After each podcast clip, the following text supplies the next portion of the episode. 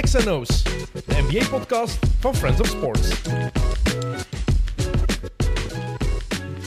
Welkom bij XNO's iedereen, de basketbal- en NBA-podcast van Friends of Sports. De start van het reguliere seizoen in de NBA komt nu wel heel dichtbij. Het begint in de nacht van dinsdag 18 op woensdag 19 oktober en dan eh, kan het weer helemaal losbarsten. Maar wat is er allemaal veranderd? Wat moet je precies weten voor het weer helemaal begint? Wel, dat gaan we u in de komende twee afleveringen vertellen, want het is weer tijd voor de traditionele previews van XNO's. Zo zijn we zeven jaar geleden begonnen met deze podcast en nu is het de achtste editie. We gaan vier minuten praten over elke ploeg in het oosten en in het westen. En net zoals in de voorbije zeven edities doe ik dat met ja, maar één man. Dat kan ook alleen maar Thomas van de Spiegel zijn. Dag Thomas. Wat een verschil, hè? Achtste keer, hè? Ja, maar wat een verschil met zeven jaar geleden. Toen was het bij jou in de keuken met de gsm op tafel. Ja. Goed gedaan van jou, hè? Eh, het is een mooie evolutie geweest. We zullen het zo zeggen. Ja. Ja, nee, to- tof dat ik er terug bij mag zijn. nog twee keer na deze en dan ga je de fakkel doorgeven. Ja, tien keer. Dat lijkt mij mooi. Nu ik een man van middelbare leeftijd aan het worden ben, lijkt het mij mooi om, eh, om dan de fakkel door te geven. Dus ja, begin maar al te zoeken. eh. Ja, ik, eh, ik heb al aan Sam van Rossum gezegd, het is tijd dat je de NBA begint te volgen. Gaat het niet doen, ik hè? vrees dat dat een hele grote uitdaging is om, eh, om hem daarvan te overtuigen. Dan ga ik hem misschien moeten betalen. Dat is geen optie. Wacht, maar ik moet nog twee keer komen, dus ik zal... misschien dat we dan tegen ik dan... misschien verder. Misschien dat we tegen dan wel betaald worden, ook een optie. Ehm, het is een van de moeilijkste jaren om te voorspellen het komende seizoen. Er zijn misschien wat meer topspelers dan ooit, maar topspelers missen ook meer matchen dan ooit. Eh, iedereen zou fit moeten zijn, maar je weet nooit wat er gaat gebeuren. Op papier ziet het er heel interessant uit. Ehm, het is bijna onmogelijk om te voorspellen. Wat niet onmogelijk is om te voorspellen, is het talent en het potentieel van ene Victor Wembanyama. Voor we aan beginnen aan onze eh, previews, moest ik jou dat als big man toch ook vragen. Wat denk jij als jij Maar de big man, ziet? de traditionele big man bestaat niet meer als je dat ziet, hè? Maar wat denk je als jij zo'n kerel ziet spelen? 2 meter 20, 2 meter 21? Ja. Het is ergens een mix van Porzingis, Durant, Nowitzki eh, en, en, en, en alles in, in één potje gegooid. En, en, en daar, is, eh, daar is die uitgekomen. Ehm, ja, echt indrukwekkend. Het heeft natuurlijk nog heel veel stappen te zetten, eh, ook fysiek. Maar, eh, maar, maar het potentieel is oneindig. Als je, als je 220 of iets meer zelfs bent, eh, je kan dat. Ja, dat, is bijna ondenkbaar. Ja, en die skills, dat is één ding, maar wat er ook bij komt, hij beweegt niet zoals een big man. Als je heel wat andere big men ziet, je ziet wel, Chet Holmgren, die heeft ook die kwaliteiten, heeft ook dat shot, heeft ook goede balhandeling.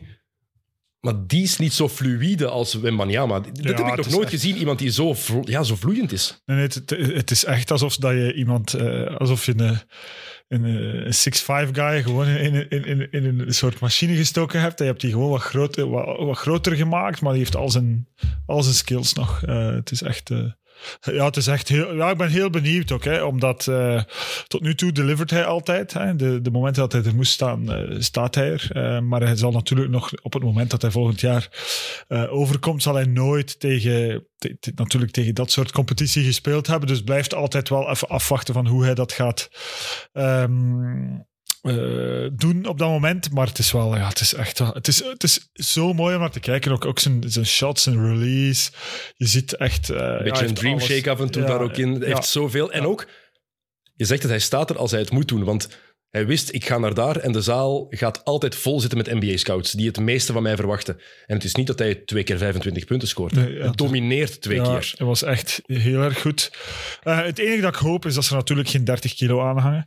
Want het is type speler eh, waar- waarvan dat je hoopt dat hij toch eh, lean kan blijven. En dat hij toch die, die kwaliteit kan houden. Niet het En dat- Anthony Davis-regime. Ja, of, of ook geen, dat het geen, eh, geen eh, Embiid-achtig profiel wordt, maar dat het echt een soort ja, point center blijft wat hij vandaag is. Het lichaam van Janis. Het is bijna onmogelijk, want het is letterlijk een Griekse god. Maar dat zou het perfecte scenario zijn. Ja, Sterk maar maximaal het, li- Ja, het, exact. het lichaam van Janis. ja. Nu, natuurlijk, er is ook een mooie troostprijs. Scoot Henderson, die ook heeft laten zien dat er genoeg potentieel is. Heeft hij in G-League vorig jaar ook al getoond. Ehm, maar die twee mannen, Scoot en Wembanyama, en blijkbaar komen er nog genoeg anderen aan daarachter. Maar die twee gaan een gigantische impact hebben op het komende seizoen. Hè. Daarom dat ik het Ja. nu ook aanhaal, want De lijst, de lijst van eh, tankende teams, maar daar zullen we straks misschien toe komen, is, is relatief lang dit jaar toch wel. Eh, omdat iedereen erop hoopt. ja. Ehm, nog één ding over Wembanyama. Heeft toch de ploegmaat met de beste naam ooit. Misschien moet je die foto wel delen. Um, Ho You Fat heet die mens. Ja, maar waar ligt het accent? Hè? Want Weet ik ook niet. op, op zijn jersey staat er ho, spatie you, spatie fat. En volgens mij is het toch wel in één woord geschreven. Dus Ik vind het geni- Als dat zo is, vind ik het geniaal dat hij het dus heeft laten opsplitsen. Vind ik mooi. Oké, goed. Ehm, beginnen we met de East, zoals altijd?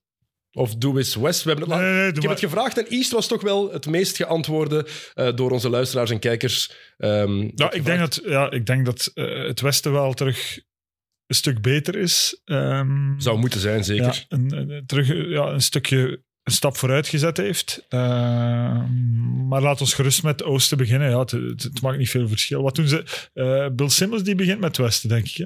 Doet dan het Oosten. Ja, Westen begonnen. Ik, Dan ik met heb nog niet Oosten. kunnen luisteren, alles. Ja, dus, maar dan eh, gaan wij met het Oosten beginnen. wij beginnen met zijn Bill Simmons niet. Hè? nee, want ik, ik, ik heb hem zelfs nog niet geluisterd, die laatste. Ik ook niet, maar Geen tijd voor gehad voor alle dingen te beluisteren. Ehm, genoeg te lezen ook. Oké, Eastern Conference, daar beginnen we mee. Zoals altijd, van laagste ploeg naar hoogste. En het gaat over waar ik denk dat ze zullen eindigen in het reguliere seizoen. Vier minuten over elke dan ploeg. geef je ook de, de over-under? Ik geef alles. Ja, Ik-. Ik geef alles mee. Ik wil gewoon zeker zijn dat we Excuseer. de traditie respecteren. Alles is Eh, gerespecteerd. De Dus over-unders... Vegas, Vegas doet ook terug. Ja, maar de over-unders die kunnen wel nog altijd veranderen. Dit is hoe ze de laatste waren. Ja, oké. De laatste update is hoe ze Ja. hierin staan. Eh, Oké. Als je coach iets mispeutert, dan verandert je over-under. Blijkbaar dus niet. Ja, Dat is het vreemde. een beetje wel. Is er nu weer gedaald? Ja, een beetje, ja. Eindelijk dan. Ehm, maar dus we beginnen met de slechtste ploeg, of wat ik denk dat de slechtste ploeg gaat zijn in het reguliere seizoen. Heel belangrijk, reguliere seizoen. Je zal straks wel zien waarom. Ja, kijk, goed. Goed, start de klok voor de eerste ploeg. Nummer 15 in het oosten, voor mij de Charlotte Hornets. Vorig seizoen 4 43 en 39, tiende, in de play, eh, tiende en dan de play-in verloren van Atlanta. Volgens Vegas 36,5 overwinningen. Wie er weg is, Montrezl Harrell, Isaiah Thomas, Scotty Lewis... En Miles Bridges, die heeft problemen met het gerecht, dus die heeft nu geen ploeg. Nieuw, Dennis Smith Jr., Mark Williams, dat is de vijftiende pick uit Duke. Bryce McGowens, of McGowens, de veertigste pick uit Nebraska. En dan een hele hoop undrafted spelers, zoals Jalen Sims en ene Leangelo Ball. Hij zit er nog altijd. De verwachte starting five is LaMelo Ball, Terry Rozier, Gordon Hayward, PJ Washington, Mason Plumlee. En dan sixth man Jalen McDaniels of Kelly Oubre mogelijk. De headcoach Steve Clifford. Eh, Dit gaat geen mooi seizoen worden voor Charlotte. En het grootste probleem is een op één na beste speler, Miles Bridges, die heeft zichzelf uit Charlotte en misschien wel uit de NBA gemapt. Dat was toch met die... Die zijn vrouw die op Instagram even eh, een aantal foto's postte. Ja. Even laten zien wat de Ja. schade is die hij heeft aangericht. En degoutant. Ja. Echt, ah, sowieso een vrouw slaan, Op, onbegrijpelijk op dat je het wil doen. slaan, daar kunnen, we, daar, daar kunnen we mee leven. Maar niet op vrouwen. Maar ja, het is, maar het is wel... Ja, heeft zichzelf letterlijk de das omgedaan. ehm, of figuurlijk moet ik eigenlijk zeggen, de das omgedaan. Ehm, maar voor Charlotte heeft dit grote gevolgen. Ze zijn hun op één na beste speler kwijt. Hmm. En het is niet dat zij zo'n interessante free agents kunnen, kunnen lokken. En als je deze ploeg Als je, bekijkt... als je naar de starting five kijkt, dan denk je nog van... hmm, misschien... Maar het probleem is gewoon, er is nul depth ook. Hè. Dus er is echt niks. Hè. Ze hebben niks van de bank af. Ehm, dus je weet al eh, dat, het, ja, dat dat niks wordt. De 36 is een eh, optimistische inschatting. Enorm optimistisch. En ook ja, Gordon Hayward. Je weet dat die is match gaat missen. Ja, dat is natuurlijk... Komt er ook bij. Ja, ze komen van een, een 43 seizoen, hè, wat over 50 is. Ehm, dus daar houdt Vegas ook vaak rekening mee, dat ze ze niet onmiddellijk eh, onder de bus gooien. Dus ik ga ervan uit dat dat er ook mee te maken heeft, maar, maar ze gaan geen 36 matchen winnen met die starting five. Eén blessure en ze zitten ook gigantisch in de problemen. Ja. Met Gordon Hayward kan dat gebeuren. Er is amper ervaring ook, een heel jonge ploeg. En ja, Steve Clifford is daar nu terug. Daar hebben ze wel weer ervaring mee binnengehaald. Of dat de juiste keuze is als headcoach. Heb ik ergens mijn twijfels bij, eerlijk gezegd. En ja, ook de gevolgen voor de toekomst kunnen groot zijn. Hoe lang gaat LaMelo Ball nog in Charlotte willen blijven? Als hij ziet waar ze naartoe gaan op dit moment, gaat hij wel blijven geloven in het potentieel van deze club? Ik heb er mijn twijfels bij. Ja, Zonder LaMelo Ball is het helemaal gedaan. Ja, en eh, ja, ik vraag me af of ze eh, het kleine broertje eh, of het mindere broertje ook gaan houden dit jaar. Eh, misschien heeft dat er ook wel mee te maken dat ze hem terug bijgenomen hebben en misschien dat ze hem toch na preseason niet zomaar wegsturen. Ja, slim maar, inderdaad. Ja, maar hem strategisch gewoon erbij proberen houden om, eh, om dat te kunnen managen. Ja, die Angelo Ball. Ehm, Jalen McDaniels, dat is wel een leuke speler om in de gaten te houden. Dus als je een match van Charlotte bekijkt, je hebt nog altijd LaMelo Ball. Dat is tof. Ja. Ook al gaat hij de eerste weken missen, want hij heeft zijn voet heel hard omgeslagen in het preseason. Dus Zelfs daar hebben ze LaMelo Ball niet. Daar is blessure nummer één. Dus dat kan ook wel gevolgen hebben. Ehm, Charlotte, nee. Het, was, het ging tussen twee ploegen onderaan in het oosten. Maar ik ben wel benieuwd eigenlijk, want eh, ik vind het slecht, maar om nu te zeggen dat dit het allerslechtste van de NBA is. Nee, in het westen zitten er nog De slechter. beste zitten er slechtere. Ja, maar ehm, Jordan zou trouwens de ploeg willen verkopen. Hm. Blijkbaar. Heel benieuwd hoeveel hij daarvoor zou krijgen. ik ga niet toekomen. Niemand. Er zijn weinig mensen die in België gaan toekomen om een NBA-ploeg te kopen. Nee, dat is waar. 2 miljard minimaal. Voor Charlotte? Ja. Sowieso een NBA-team vandaag, omdat eh, het model is zo gemaakt ja. dat je altijd eh, Phoenix zou richting de 4,5 miljard gaan. wel big market. eh, Ja. Charlotte is geen big market, maar 2 miljard moet je toch wel eh, oprekenen. Ook dat we dat normaal vinden. 2 miljard moet toch. Alright, eh vier minuten voorbij. Het was Jordan die belde. Wa- Was het maar. Was het maar dat die mensen zou bellen. Eh, ploeg 14, de Indiana Pacers. Vorig seizoen 25 en 57, daarmee waren ze dertiende in het oosten. Volgens Vegas 23,5 overwinningen. Ehm, wie is daar vertrokken? Malcolm Brogdon, Ricky Rubio, Lance Stevenson, TJ Warren, Nate Hinton, Dwayne Washington Jr. en Gabe York. Die laatste twee hebben niet zo heel veel gespeeld. Nieuw Daniel Tice, Aaron Neesmith, Langston Galloway, James Johnson, Benedict Matherin, dat is de zesde pick uit Arizona, leuke speler. Andrew Nembhard, de 31ste pick uit Gonzaga. Kendall Brown, de 48ste pick van uit Baylor. En Davidas Sirvidis.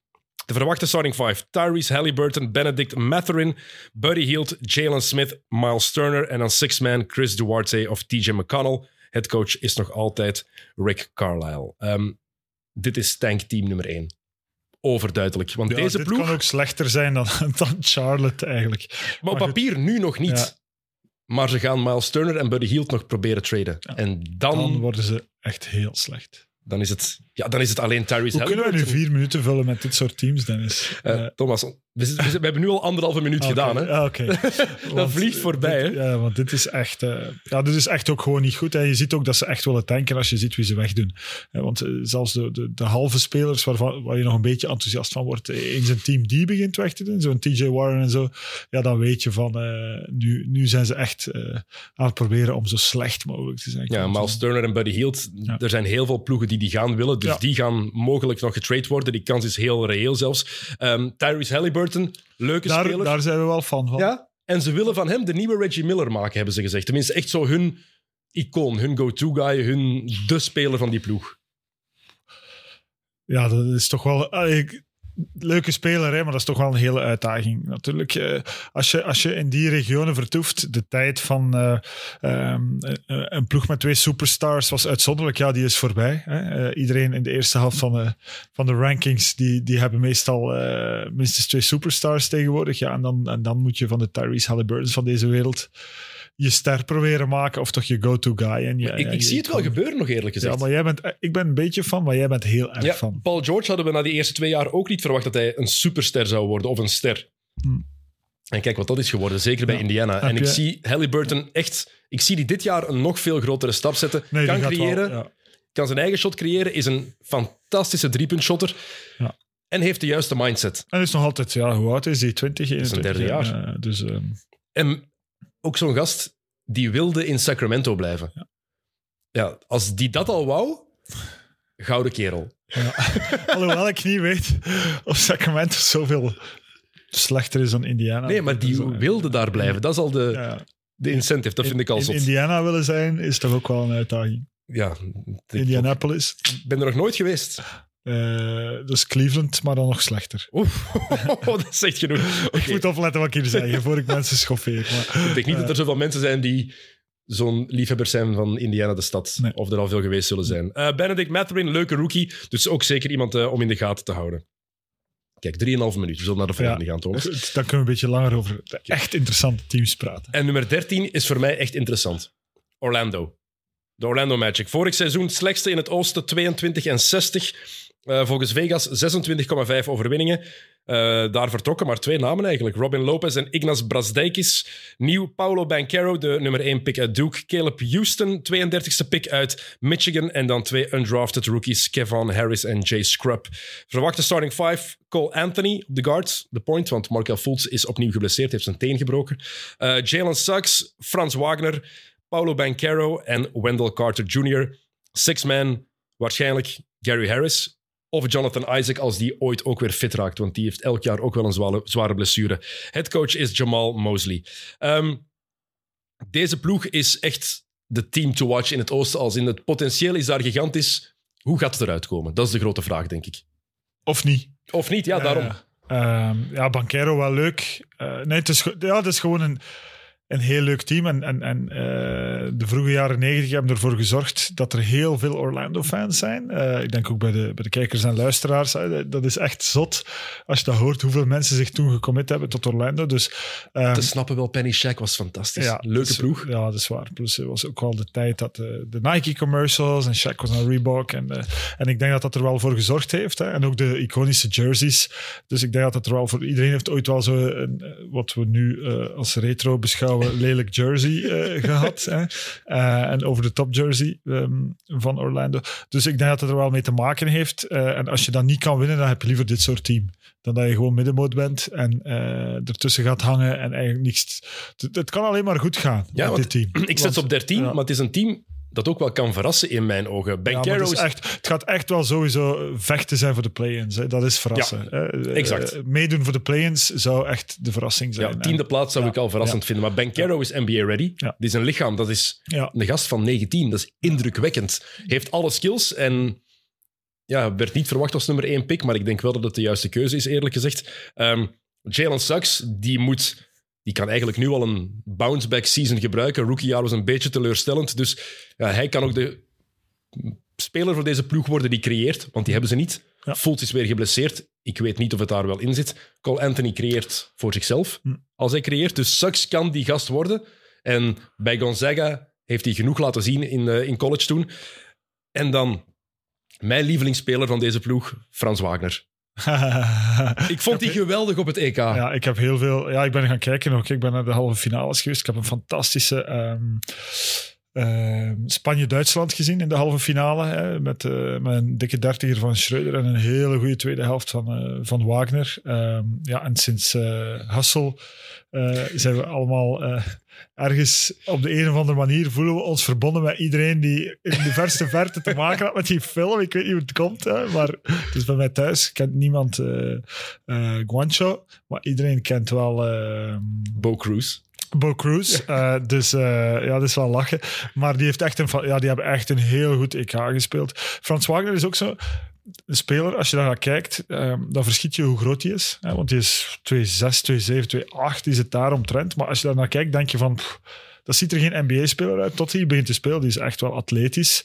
En die heeft heel weinig nodig uh, om te deliveren. Die, die average denk ik vorig jaar 14, 15 punten of zo. Uh, zonder dat je op, op, op, op enig moment dacht van oef, Frans Wagner. Dus die heeft heel weinig nodig om echt uh, een rol te spelen. Dus ik ben ook wel... Kan het de eerste optie worden? Voor Orlando. Is dat net niet genoeg? De, het is geen go-to guy. Het is echt het is een tweede optie. Iemand die in de schaduw van, van een go-to guy. Dus dat, dat gaat de uitdaging zijn. Dus Ben Caro die eigenlijk... Die kan echt wel ja, Ben Caro gaat het denk ik moeten doen. Die moet de verwachtingen Frans Wager, en Frans Wager die moet tussen 15 en 18 punten uh, gemiddeld maken. Okay. Uh, als ze iets of wat succesvol En dan is er nog Wendell Carter Jr. Um, ja, die delivert ook wel altijd. 15 hè. punten per match, 10,5 rebounds, ja. 52% field goal percentage en zelfs meer dan 30% van achter de driepuntlijn. Ja, dat stijgt ook elke Je wordt keer. daar niet, van Wendell Carter Jr. wordt daar niet heel erg blij van als je daar naar kijkt. want het is een beetje oldschool. Uh, het ziet er ook niet... heel atletisch uit, maar delivert wel. En is ook nog altijd, hoe oud is hij? 24, denk ik? Ja, hij speelt als hij 34 is. 23 maar, jaar, is van 1999. Ja. Dus, dat is echt een goede pick-up geweest vorig jaar. Absoluut. Oké, okay, goed. Uh, team 12, tenminste nummer 12 dus voor mij in het oosten. Um, de Detroit Pistons.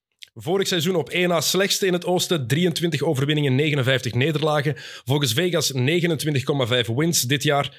Ze gaan vooruit wel, hè? Ze gaan vooruit. Ik ben er wel een beetje enthousiast over, ik maar ook, ik laat je verder ballen. Ik ook, ja, maar je hebt, je hebt gelijk. Um, vertrokken daar Carson Edwards, Luke Garza, Jeremy Grant, Frank Jackson, Saban Lee, Kelly Olynyk en Jamarco Pickett.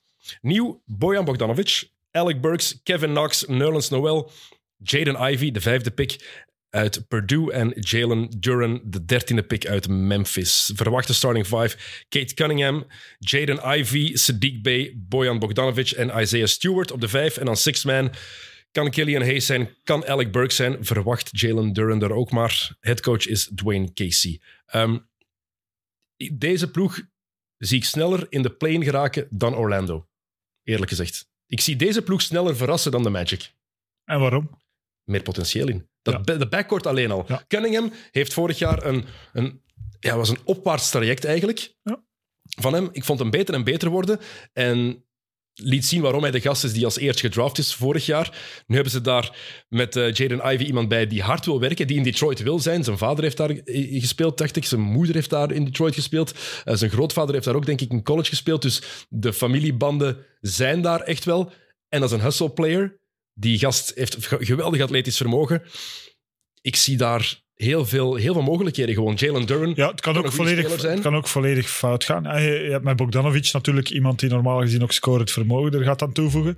Ik ben altijd een beetje fan geweest van Knox ook. Eh, ik denk nog altijd dat dat potentieel er niet helemaal nee, uitgekomen is. totaal niet. Ehm, dus ja, het kan, het kan goed gaan met Dwayne Casey, die ook wel iemand is die normaal gezien eh, het onderste uit de kan eh, probeert te halen. Kan het, wel- het kan ook volledig valikant aflopen, hè, voor alle duidelijkheid. Maar er zit wel iets in. Ik, ik was geen fan van Detroit van, van vorig jaar, waar alles eh, Jeremy Grant was. Ik ben geen Jeremy Grant Nee. believer. Ik, ja, die, die, die deed zijn ding hè, en dat is super indrukwekkend, maar die maakt je team niet beter. Die, die, heeft, die, die zet gewoon stads neer. Uh, nu heb je wel het gevoel dat er eh, op de een of andere manier een soort balance in zit die, die wel goed kan komen. En Ja. Cunningham is wel ook, eh, ik zei het daarnet al, ik moet opletten dat ik niet in herhaling val, maar ook een beetje old school, maar wel, eh, wel nice to watch. Ja. Cunningham heeft best wel wat Luka Doncic in zich. En dan heb ik het erover, het lijkt een valse trager vaak, maar hij heeft op jonge leeftijd kan hij het spel al heel goed vertragen en naar zijn eigen hand zetten. En het is al een point forward, want die gast is 6'8, hè. Ja, Dat is een big guy, net zoals Luka Doncic eigenlijk is. Ehm, die combinatie, hij met Ivy, en daar rond heb je Sadiq Bey, goede shooter. Bojan Bogdanovic, hele goede shooter. Dat is voor mij een recept voor... Succes is te veel, anders zou ik ze niet op 12 gezet hebben. Maar om wel leuke dingen te laten zien. Ehm, Jalen Duran, goede pick-up in de draft. En er loopt ook nog een Marvin Bagley rond. Automatisch lachen. daar gaan we. Moet dat echt? Is, Nee, de- niks is het de fourth of is het nog altijd de third? Het is nog altijd de third. Um, ja, kijk, die mens is gedraft voor Luka Doncic. Het is een beetje de Sam, de Sam Ja, Bowie van, van deze generatie. Allee, ik goed mij om, om. Die heeft dat er ook niet om gedaan. Hè? Dus, eh, dus allee, eh, dat, dat leek ongelooflijk potentieel. Dat lijkt nog altijd ongelooflijk potentieel. Het is er alleen nooit, eh, nooit echt uit, uitgekomen. Ik ben... Dit, Ik was wel fan eigenlijk. Ik Toen- ook. In college was ik echt fan. ik ook. Dit gaat wel, denk ik, zijn laatste kans zijn. Als hij nu bij dit Detroit niet mee kan groeien met een jonge ploeg, dan gaat hij in China spelen over twee jaar. Met Nerlens Noel dan. Nerlens Noel. daar zeggen we ook al vier jaar van. Dat is zijn laatste kans. En hij is er toch ook weer bij. Hey, Thon Maker, ken je die nog? Ja, Die is in China blijkbaar aan, heel hard aan het ballen. ja, maar dat is niet zo moeilijk in China. Ja, blijkbaar. Ja. Echt. Dat is een gemiste kans, Thomas. Op het einde van even naar China gaan, even toch wat extra gaan rapen. Heeft een Benga daar... Die heeft ook in Azië, in, in de Filipijnen, is hij willen gaan spelen, denk ik. Ik weet het niet. Ik weet het ook niet meer. Ik weet, het was een competitie waarin... ehm was in drie delen. In het, dat derde wel deel, China was. in Maar het derde deel van de competitie mochten geen spelers spelen die groter waren dan 2 meter en 1. Dus mocht hij die naar huis. Ah nee, dat was niet in China. dat de Filipijnen was. Ja. Oké, goed. Ehm, nummer 11 in het oosten komend seizoen. De Washington Wizards, denk ik. Vorig seizoen 35 en 47, twaalfde uiteindelijk maar. Volgens Vegas 35,5 overwinningen. Daar vertrokken Thomas Bryant, Raul Neto, Kentavious Caldwell-Pope, Thomas Satoransky, Ish Smith en Cassius Winston. Nieuw Will Barton, Devon Dodson, Taj Gibson, DeLon Wright, Monte Morris, ehm, undrafted rookie Makur Maker, broer van, eh, en Quentin Jackson. Johnny Davis, dat is de tiende pick uit Wisconsin. Verwachte starting five. Monte Morris, Bradley Beal, Will Barton, Kyle Kuzma. En op de center Kristaps Porzingis. En dan van de bank de sixth man Rui Hachimura en Danny Avdia. Het zal tussen die twee gaan, denk ik. Coach is nog altijd Wes Unseld Jr. Ehm, belangrijke eerste vraag. Hoe gaat het met de Kyle Kuzma fanclub? ik ging er zelf over beginnen en jij begint erover. Wel, eh, laat me zeggen dat hij nog steeds bestaat, maar dat hij niet meer groter wordt, die fanclub. Die, die heeft een bepaalde fanbase hè, en die, die leden betalen elke, elk jaar hun ledengeld. Maar, maar het is niet zo dat er uh, plots leden bijkomen of mensen weglopen. Of, uh, het is heel stabiel. Maar goed. Blijkbaar zou hij heel, een heel goed off-season gehad hebben. Ik weet het, dat wordt over heel veel spelers gezegd. Maar over Kyle Kuzma waren de berichten nog net iets positief. Maar je kan, allez, je kan wel niet tegen Kyle Kuzma zijn. Hij zorgt wel voor, voor wat kleuren. Niet op het terrein, maar vooral door zijn uitlatingen heel vaak. Door hoe hij zich kleedt. Uh, en uh, het potentieel is er altijd geweest. En we moeten ook zeggen, hij heeft al een aantal jaren gehad dat, dat we dachten... Hmm, dit kan wel iets worden. Maar nu denk ik dat hem vertrokken is gewoon voor uh, een uh, carrière van 14 punten gemiddeld. Dat gaat hij nog altijd doen, hè. 14 tot 16 punten gemiddeld gaat hij wel scoren. Beetje Tobias Harris traject. Uh, die is beter. en die, die, die, die, die, heeft meer, moet ik zeggen, winnaarsmentaliteit in zich. Hè. Kyle is op zijn gemak. Mm. dus net zoals de fanclub. Oké, okay, mooi. Een paar vragen over de belangrijke spelers. Eén, welke Christophe Porzingis krijgen we? Ja. Dat is een groot vraagteken. We weten dat nooit zeker. Is het de Porzingis die um, inside zijn presence kan laten zien? Of is het degene die zich laat wegduwen in de post? Is nog altijd ook 2 meter 20, 2 meter 21 met een shot. Maar het potentieel dat we daarin zagen bij New York is er nooit meer uitgekomen na die knieblessure. En ik weet ook niet of we dat nog te zien gaan krijgen. Maar we zien dat nog altijd met, met Flarden. Hè. Hij heeft echt wel wedstrijden of zelfs periodes waarin, waarin het hem echt heel goed is. Alleen zijn impact is, uh, zelfs als hij goed speelt, is zijn impact niet wat we verwacht hadden toen hij in New York zat. Maar soms zijn er echt wel nog wedstrijden dat je zit naar te kijken waar hij in één helft uh, echt wel, uh, lights it up. Um, en, en, en, en dat hij echt uh, alomtegenwoordig is, maar hij kan dat niet consistent doen. Bradley Beal kan dat wel. Dat ja, maar dat, is ook, ja, dat was mijn antwoord eigenlijk op je vraag. Welke Bradley Beal gaan we ja, krijgen? De, welke Christophe Porzingis? Ik denk dat we een Porzingis gaan krijgen van 18 punten gemiddeld. maar de vraag is welke Bradley Beal gaan we krijgen? Als we die krijgen van 28 punten gemiddeld, dan kan Washington het wel eens goed doen. Maar dat weet je natuurlijk niet. Maar goed is dan ook een vechten voor de achtste plaats. Ja. Niet meer dan ja, ja, oef, vrees ik. Ja, ja, en mannen als Avdia en Hachimura en Davis, de rookie, die gaan ook wel belangrijk moeten zijn. En vooral, ik kijk vooral naar Avdia en Hachimura. Een van die twee gaat echt wel meer moeten laten zien als Washington iets wil betekenen. Ik weet ook niet wie van die twee daar het meeste potentieel voor heeft. Voor mij is dat heel gelijkaardig, Hachimura en Avdia ik weet het echt niet wie dat daar het snelste die stap gaat zetten. Want er zit in allebei meer dan genoeg. Ja, Afdia allee, moeten we ook wel nog even tijd geven, denk je dan. Uh, Hachimura loopt er ondertussen al even bij. Um, ik wil Afdia wel het voordeel van de twijfel nog hmm. geven. Maar deze ploeg, ik ga heel eerlijk zijn, ja, Word je niet warm nog doet koud mij van. heel weinig. En ik weet ook niet waar die naartoe gaat. Maar hoe lang is het al geleden dat Washington ons nog iets deed? Be Wall en Beal, het begin, die combinatie vonden we misschien tof. Ja, maar die, dat heeft niet lang gewerkt. Nee. En dan, uh, ja, het is al even geleden. Um. Ze gaan wel weer terug naar de oude Wizards-truitjes met, in van de tijd uh, met de Arenas en Jameson. Die komen terug. Oef, dan moet ik... Ah, oké. Okay. Voilà. Ja. Tof. Arenas, okay. dat was pas leuk. Man, ja, die zegt ook nog toffe dingen. Ja. Die, die mens... Goeie verhaal nog over arenas. Zoek, tik in Richard Jefferson Gilbert Arenas. Tik dat in op YouTube en je krijgt geweldige verhalen. Onder andere waarom Arenas in de tweede ronde pas gedraft is. Zijn pre-draft... Um, ja, Stok. Ja, die mens die je moest dan trainen en u laten zien, die kwam aan in losse Chuck Taylors, dus losse Converse All-Stars, en ging daarmee op de loopband lopen. En die wilde eigenlijk, nee, pff, dat is niet nodig voor mij boeide hem niet. Het wat goede verhalen, maar Jefferson vertelt het beter. Uh, nummer 10, de play-in. Eerste play-in ploeg, want die blijven voor altijd. Er zijn vijf ploegen die de playoffs niet halen, zeker de play-in niet halen. Uh, vanaf 10 heeft een ploeg nu zeker de kans om de playoffs te halen. Nummer 10, komend jaar voor mij. De Chicago Bulls Oef. zet ik daar. Vorig seizoen 46 en 36, eruit in de eerste ronde tegen Milwaukee met 4-1. Het eigenlijk 4-0 moeten zijn, want Chicago was archi slecht in die playoffs.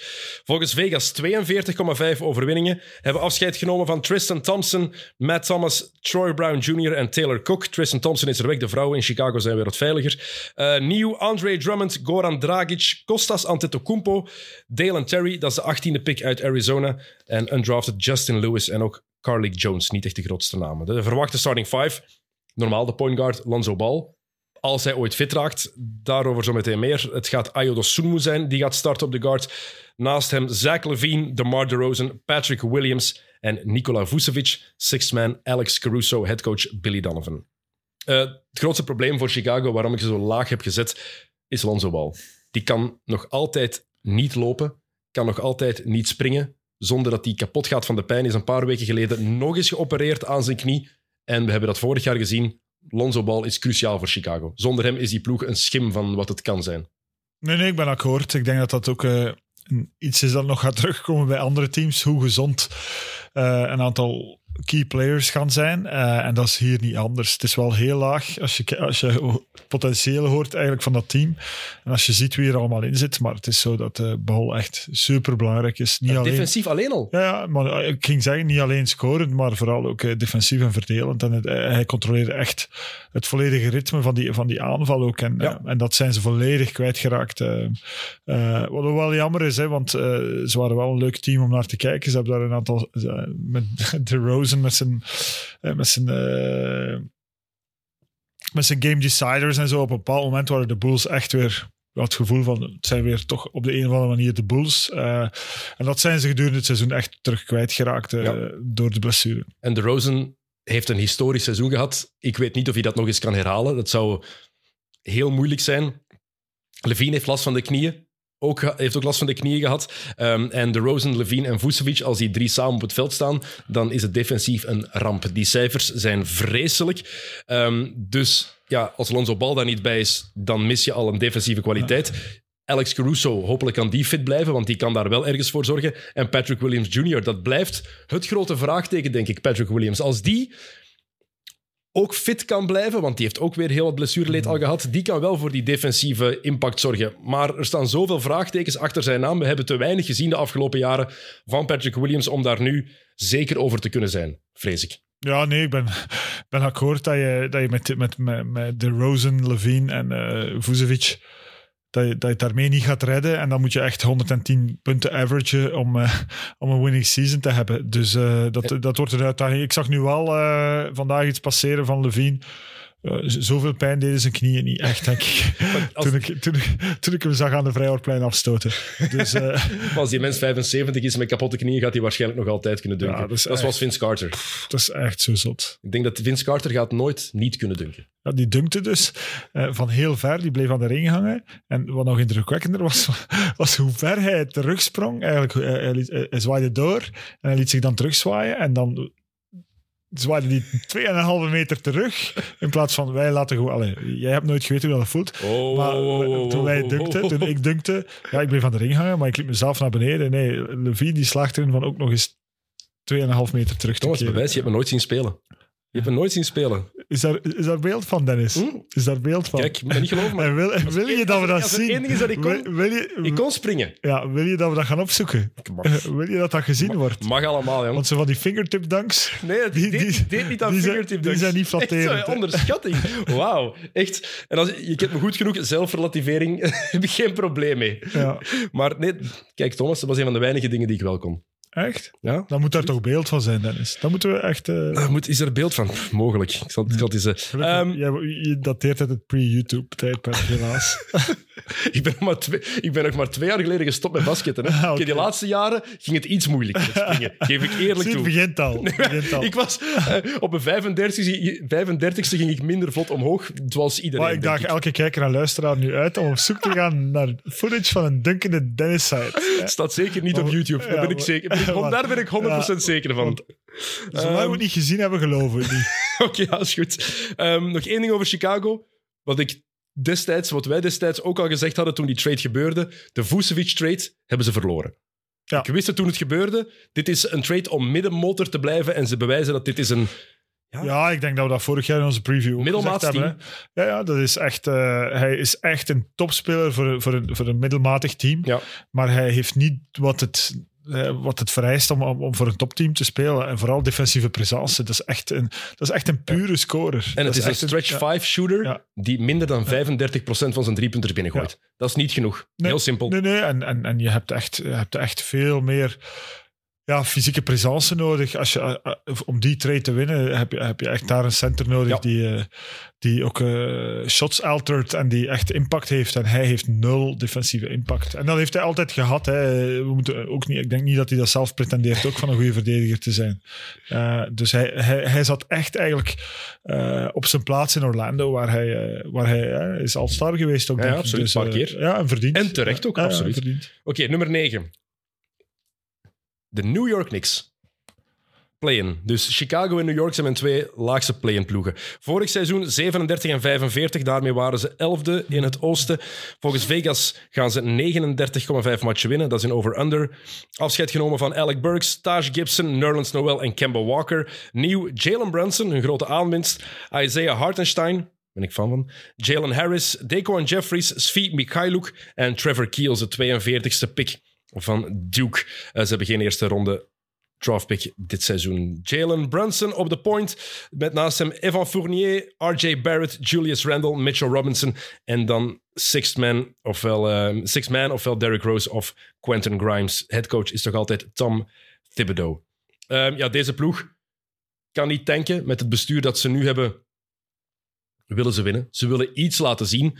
Ik weet niet of deze ploeg goed genoeg is om de andere acht ploegen die er nog aankomen in het oosten eh, te doen zweten. Ik denk eigenlijk van niets. Eh, Barrett heeft bijgetekend. Robinson heeft bijgetekend. Ze hebben Brunson binnengehaald voor eh, vier jaar 100 miljoen. Als ik me niet vergis. Goed gedaan van Brunson. Goed gedaan van Slecht Brunson. gedaan van Dallas trouwens, maar Ook. dat is iets anders. Die daar gaan we het straks over hebben in het Westen. Of over een paar dagen voor de mensen die luisteren. Maar die hadden ze nooit mogen laten gaan, inderdaad. Ik vraag me gewoon ook wel af wat ze bij New York precies verwachten van Brunson. Hij, hij gaat niet de go-to-guy zijn die 25, 30 punten per match gaat spelen. Hè. Dat Ja, is niet wie Jalen Brunson is. Om de drie wedstrijden gaat hij dat doen. Eh, Ja. Dat is wie hij is. Ehm, maar goed, dus eh, los van Brunson... Het gaat wel een leuk team zijn om naar te kijken, denk ik. Of dat goed genoeg is voor New York en, en, en voor de omgeving in New York, dat denk ik niet. Want ik denk dat je ze... eh, voorlopig kan ik niet veel aanmerken op, je, op je, hoe je teams rankt. Ik denk dat, Dat is we- uitzonderlijk. Ja, maar goed, we zitten nog aan de tweede helft van het klassement in het oosten. Dus mijn tijd komt wel nog wel. Maar, eh, maar ik denk dat je ze juist zet. Eh, maar ik kijk er wel naar uit om, om, om de combo Brunson, Barrett, Fournier te zien. Want dat gaat, wel, ja, dat, dat gaat wel leuk zijn om naar te kijken. Maar dat is geen winnend team. En Julius Randle, gaat hij nu wel gelukkig zijn in New York? Of gaat hij zich weer miserabel voelen? Want twee jaar geleden had hij zijn wonderjaar. Most Improved Player, All-NBA. Vorig jaar werd er meer verwacht. Ik had ze denk ik zelfs in de top 6 gezet vorig seizoen.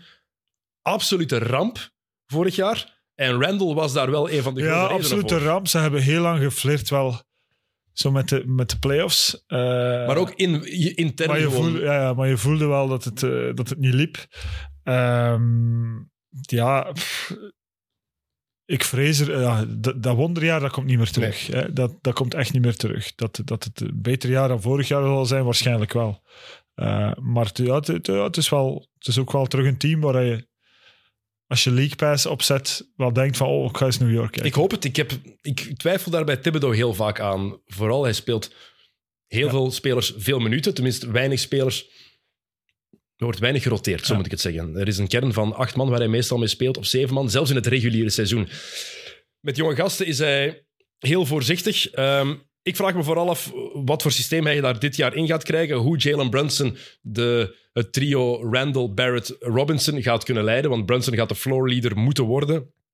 Ehm Derrick Rose Ja, hij had bij Dallas, fitter dan ooit. hij had bij Dallas wel een, een, een schaduwrol natuurlijk die hem toeliet van, van gewoon eigenlijk een scorer van de bank af Tuurlijk. te zijn. Eh, en dat is een heel ander gegeven dan, eh, dan de opdracht die hij nu krijgt. Ik denk wel dat hij de capaciteiten daarvoor heeft. Of de- minstens de basketbal de capaciteiten. Maar hij heeft dat wel nog nooit moeten doen. En mentaliteit ook. Ja. Mij lijkt een, een gast waar het in het kopje heel goed zit. Op het veld tenminste. Ja. Hè? Daarnaast kan ik niet over oordelen, maar op het veld lijkt het mij... New York blijft New York. New York blijft New York. Ja. Derrick Rose eh, zit blijkbaar op zijn ge- rookie-gewicht. En zegt dat hij zich in lange tijd niet zo goed heeft gevoeld. Dus hopelijk voor. Derrick Rose is dat ook effectief waar. Ehm, We moeten niet elk jaar verwijzen naar de MVP-seizoen en dat het nooit meer goed gekomen is. Eh, we zijn blij met het feit dat hij nog altijd speelt. En om nu te gaan zeggen dat hij eh, eh, terug meer impact gaat hebben, dat gaat niet zijn. Derrick Rose is helaas Derrick Rose. Of Derrick Rose niet meer. of niet meer. En zal die ja. nooit meer worden, jammer genoeg. Ehm, maar nog één ding, laatste, nee, twee laatste dingen. Ik geloof nog altijd in RJ Barrett. Heeft bijgetekend. Ik ben fan. Ik ook. Ja. Maar Ik- ben aan het wachten het op dat 24 punten seizoen. Ja, die echte doorbraak. Ja, en daar zitten we allemaal al, ja, toch al van in het begin op onze honger. En het, zit zo altijd tussen de 15 en de 18 of zo, denk ik. En, en je ziet dan het potentieel van. En het lijkt mij ook wel een, een soort persoonlijkheid iets. eh, dat hij geen zin heeft in die verantwoordelijkheid. Ehm, dat hij denkt van, ik laat het naar mij komen. En als het is, is het. Maar ik ga het niet gaan halen. Ik ga het niet gaan zoeken. En dat, dat, dat vind ik wel jammer. Want Vorig seizoen uiteindelijk 20 punten per match. Ah, rond toch, 20 ja. punten per match. Ehm, en zes rebounds en drie assists. Dat moet allebei. Zeker die assists moeten in mijn ogen ook omhoog. Ik Ja, denk dat die hij... punten, ja, de punten als, als New York succesvol wil zijn, hebben ze iemand nodig die, ja, die, die een stap naar voren zet. En het gaat ook niet Brunson. eh, Brunson gaat ze ook niet geven, hè, uw 25 punten. Ik denk de enige met het, met het potentieel om dat te doen, eh, los van dat ene seizoen van Randall, is in, in dat team is, is, is Barrett. Ja, denk ik ook. Ehm, het laatste ding over de Knicks. Ehm, van alle NBA-ploegen sinds het jaar 2000 hebben de Knicks met voorsprong het laagste winstpercentage. met voorsprong voor de Wizards, Timberwolves en Hornets. Dat Ja, zijn de ze- vier slechtste ploegen in de laatste 22 Ze jaar. zijn heel regelmatig geweest. die, die andere teams, ja, die zijn waarschijnlijk vaak slechter geweest. Eh, maar die hebben dat dan gecompenseerd door af en toe eens een goed seizoen. Of een, of een goede twee of drie jaar. Ja, de Knicks die hebben, zijn er echt in geslaagd van gewoon consequent slecht te zijn. Dat is vreselijk. Oké, nummer 8, de playoff plaats. Ja, nee, eigenlijk niet, want dat is pas vanaf zes de zekerheden. Maar ehm, ik, wie ik denk dat nummer 8 gaat eindigen, dus de ehm, op één na hoogste eh play-in plaats, de Atlanta Hawks. Vorig seizoen 43 en 39. Eh, daarmee waren ze negende in het oosten. Wel de play-in overleefd en dan de eerste ronde tegen Miami verloren met 4-1. Volgens Vegas 45,5 overwinningen.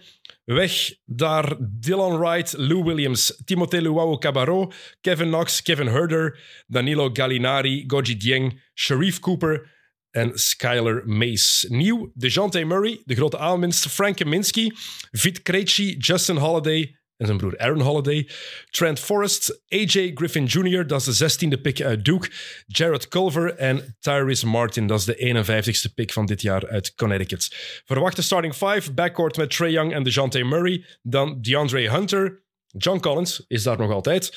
Clint Capella en dan van de bank Onyeka Okongwu en eh, Bogdan Bogdanovic als de belangrijkste spelers. Headcoach is Nate McMillan. Mijn grote vraag is, wie zijn de Hawks eigenlijk? Wat, wat, wat is die ploeg? Wat gaat dat zijn? Gaat Trae Young de bal voor een keer... Excuses, gaat Trae Young de bal voor een keer beginnen afgeven? Want dat doet hij eigenlijk nooit. Hij is degene die het bepaalt. De vraag is, Welke kan, gaat kan, hij, Murray krijgen? ja, kan hij dat? Ja, nu de, die John Murray. Hij moet. Ja, als hij het niet doet, ja, dan eh, ontploft het. eh, Daarom haal je die toch ook? Ja. Dus eh, nee, ja, heel benieuwd. Ja, ook, ook wel leuk, hè. Die, die, die combo. Maar ik ben ook heel benieuwd van hoe, hoe, hoe de rest van het team daar gaat mee omgaan. Want heel veel gaat er niet overblijven. Ehm, voor de rest van het team. Ik denk ook dat Bogdanovic, als ik me niet vergis, eh, heeft hij een knieoperatie ondergaan? Of heeft hij toch eh, vraag. ook wel eh, wat fysieke issues? Ehm, het is een heel klein team ook. Dus ja, ik ben, ben ja, gewoon heel erg benieuwd. Trey Young blijft Trey Young. Ja, en die heeft wel echt eh, mij in positieve zin al verbaasd. Oké, de Luca-discussie die moeten we niet meer opstarten. Want ik denk dat die ondertussen beslist is. Eh, maar hij, ja, hij heeft toch... In offense. In offense heeft hij al goede dingen laten zien. ja, ja, ja. ja, ja maar, Bogdanovic trouwens inderdaad geopereerd aan de knie ja. deze Dus, zomer. eh, als het over Euro- Europeanen gaat, ben ik meestal nog redelijk goed ingelicht op de een of andere manier. Maar ehm, ja, het, ben- ik ben heel erg benieuwd, want het is echt de eerste keer. Want eh, ja, het is eigenlijk eh, het is een highlight-speler. hè, en je kijkt highlights. Maar ik erger mij dood als ik, als ik hem zie spelen. Ik ook. Ehm, en eh, ik, kijk, ik kijk geen Hawks meer, maar nu zou ik me toch wel eens laten verleiden om eens te kijken van wat het geeft. Om ook te zien hoe het gaat werken met, met Murray. Want ze halen Murray vooral ook om de bal af en toe eens uit de handen van Young te, te nemen. Nu, het ding is, iedereen ver- vergelijkt hem vaak met Stephen Curry. Trae Young is niet zoals Stephen Curry. Steph is de beste off-ball-speler die Ja. er in de, in de wereld is gewoon. Niemand beweegt zoveel en zo goed zonder de bal als Curry. Trae Young doet dat gewoon niet. Dat is niet zijn spel. Maar, Maar Trae defense- Young zonder de bal bestaat niet. Nee, Ja. exact. Terwijl hij zet, zet hem in de hoek af en toe in sommige aanvallen, niet vaak, maar ja, knockdown shooter. Hè. Ehm, en het is vooral die defense. Hè. Vorig seizoen waren er maar vier ploegen met een slechtere aanval. Daarvoor hebben ze nu DeJounte Murray, want die moet af en toe voor balverliezen eh, zorgen. Niemand ehm, forceerde minder balverliezen in de NBA vorig seizoen dan Atlanta. Ja, dus Dennis bedoelt, die moet dan voor balverliezen zorgen. Bij de tegenstander. Ja, goed. Want voor balverliezen zorgen, daarvoor mogen ze mij ook nog bellen. Hè. Dat zou, wel een heel negatieve trade zijn als hij daarvoor zou, daarvoor zou komen. Dus ja, ehm, dankzij Murray gaan ze dan wel Trae Young beter kunnen verstoppen in defense. Want vorig jaar was eh, DeAndre Hunter de speler die dat altijd moest opvangen eigenlijk. De, de moeilijkste tegenstander, de snelle guards ook. Nu kan DeJounte Murray dat doen. En Hunter gaat de X-factor worden. Gaat de belangrijkste speler worden voor deze ploeg. Niet de beste. Maar als die goed is en die zijn rol kan invullen en ook gezond kan blijven, want Ja. weer iemand die blessures heeft gehad, dan zie ik Atlanta hoger eindigen dan acht. Maar het moet wel heel goed zitten dan. Hangt af van je zeven. Wie is je zeven? Bogdanovic. Want Okongwu... Nee, ik bedoelde... Ah, je- zo, in je ploeg. Ik bedoel, het is nummer 7. Zevende optie in de rotatie. Dan kan ik je direct zeggen... eh, Ja, mijn nummer 7, ik heb er heel lang over getwijfeld. Ik ben er nog altijd niet heel... Ja, het moet wel. Maar het ding is, als ze gaan hun divisie winnen, dus dan kunnen ze eigenlijk niet op 7 eindigen. Ja. Maar voor mij is het de, de op zevende 6 de beste ploeg. ploeg in het Ja. oosten. De Miami Heat. Daar al. Tel Heijvaart gaat eh, nu zitten vloeken, denk ik. Ja, dan zet zeg. ik Atlanta niet hoger. Nee, Als je daar Miami staat. Daarom. Vorig seizoen 53 en 29. Nummer 1 in het oosten verloren in de conference finals van Boston met 4-3. En bijna nog naar de finals. Denk aan dat shot van Jimmy Butler. Mhm. Ik was geen fan van dat shot, maar het had zo Daar hebben we het al eens heel lang over gehad. Exact. eh. Volgens Vegas 48,5 overwinningen. Eh, afscheid genomen van Markeith Morris, PJ Tucker, Javante Smart en Michael Mulder. Nieuw Marcus Garrett, Nikola Jovic. Dat is de 27e pick uit Servië. En heel wat undrafted rookies. Verwachte starting 5. Kyle Lowry, Max Struess, Jimmy Butler, Caleb Martin en Bam Adebayo. En six-man Tyler Hero slash Duncan Robinson. Het kan ook zijn dat Tyler Hero in de basis gaat starten, eh, want die mens is juist betaald. Eric Spoelstra is de headcoach. Ehm Mur- Hero is net betaald, heeft een contract van vier jaar ter waarde van 130 miljoen gekregen.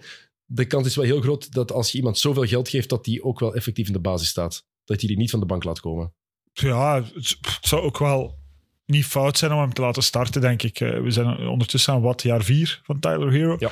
Dus, ehm, dus ik denk dat wel het moment is dat hij ook aantoont dat hij die 130 miljoen waard is.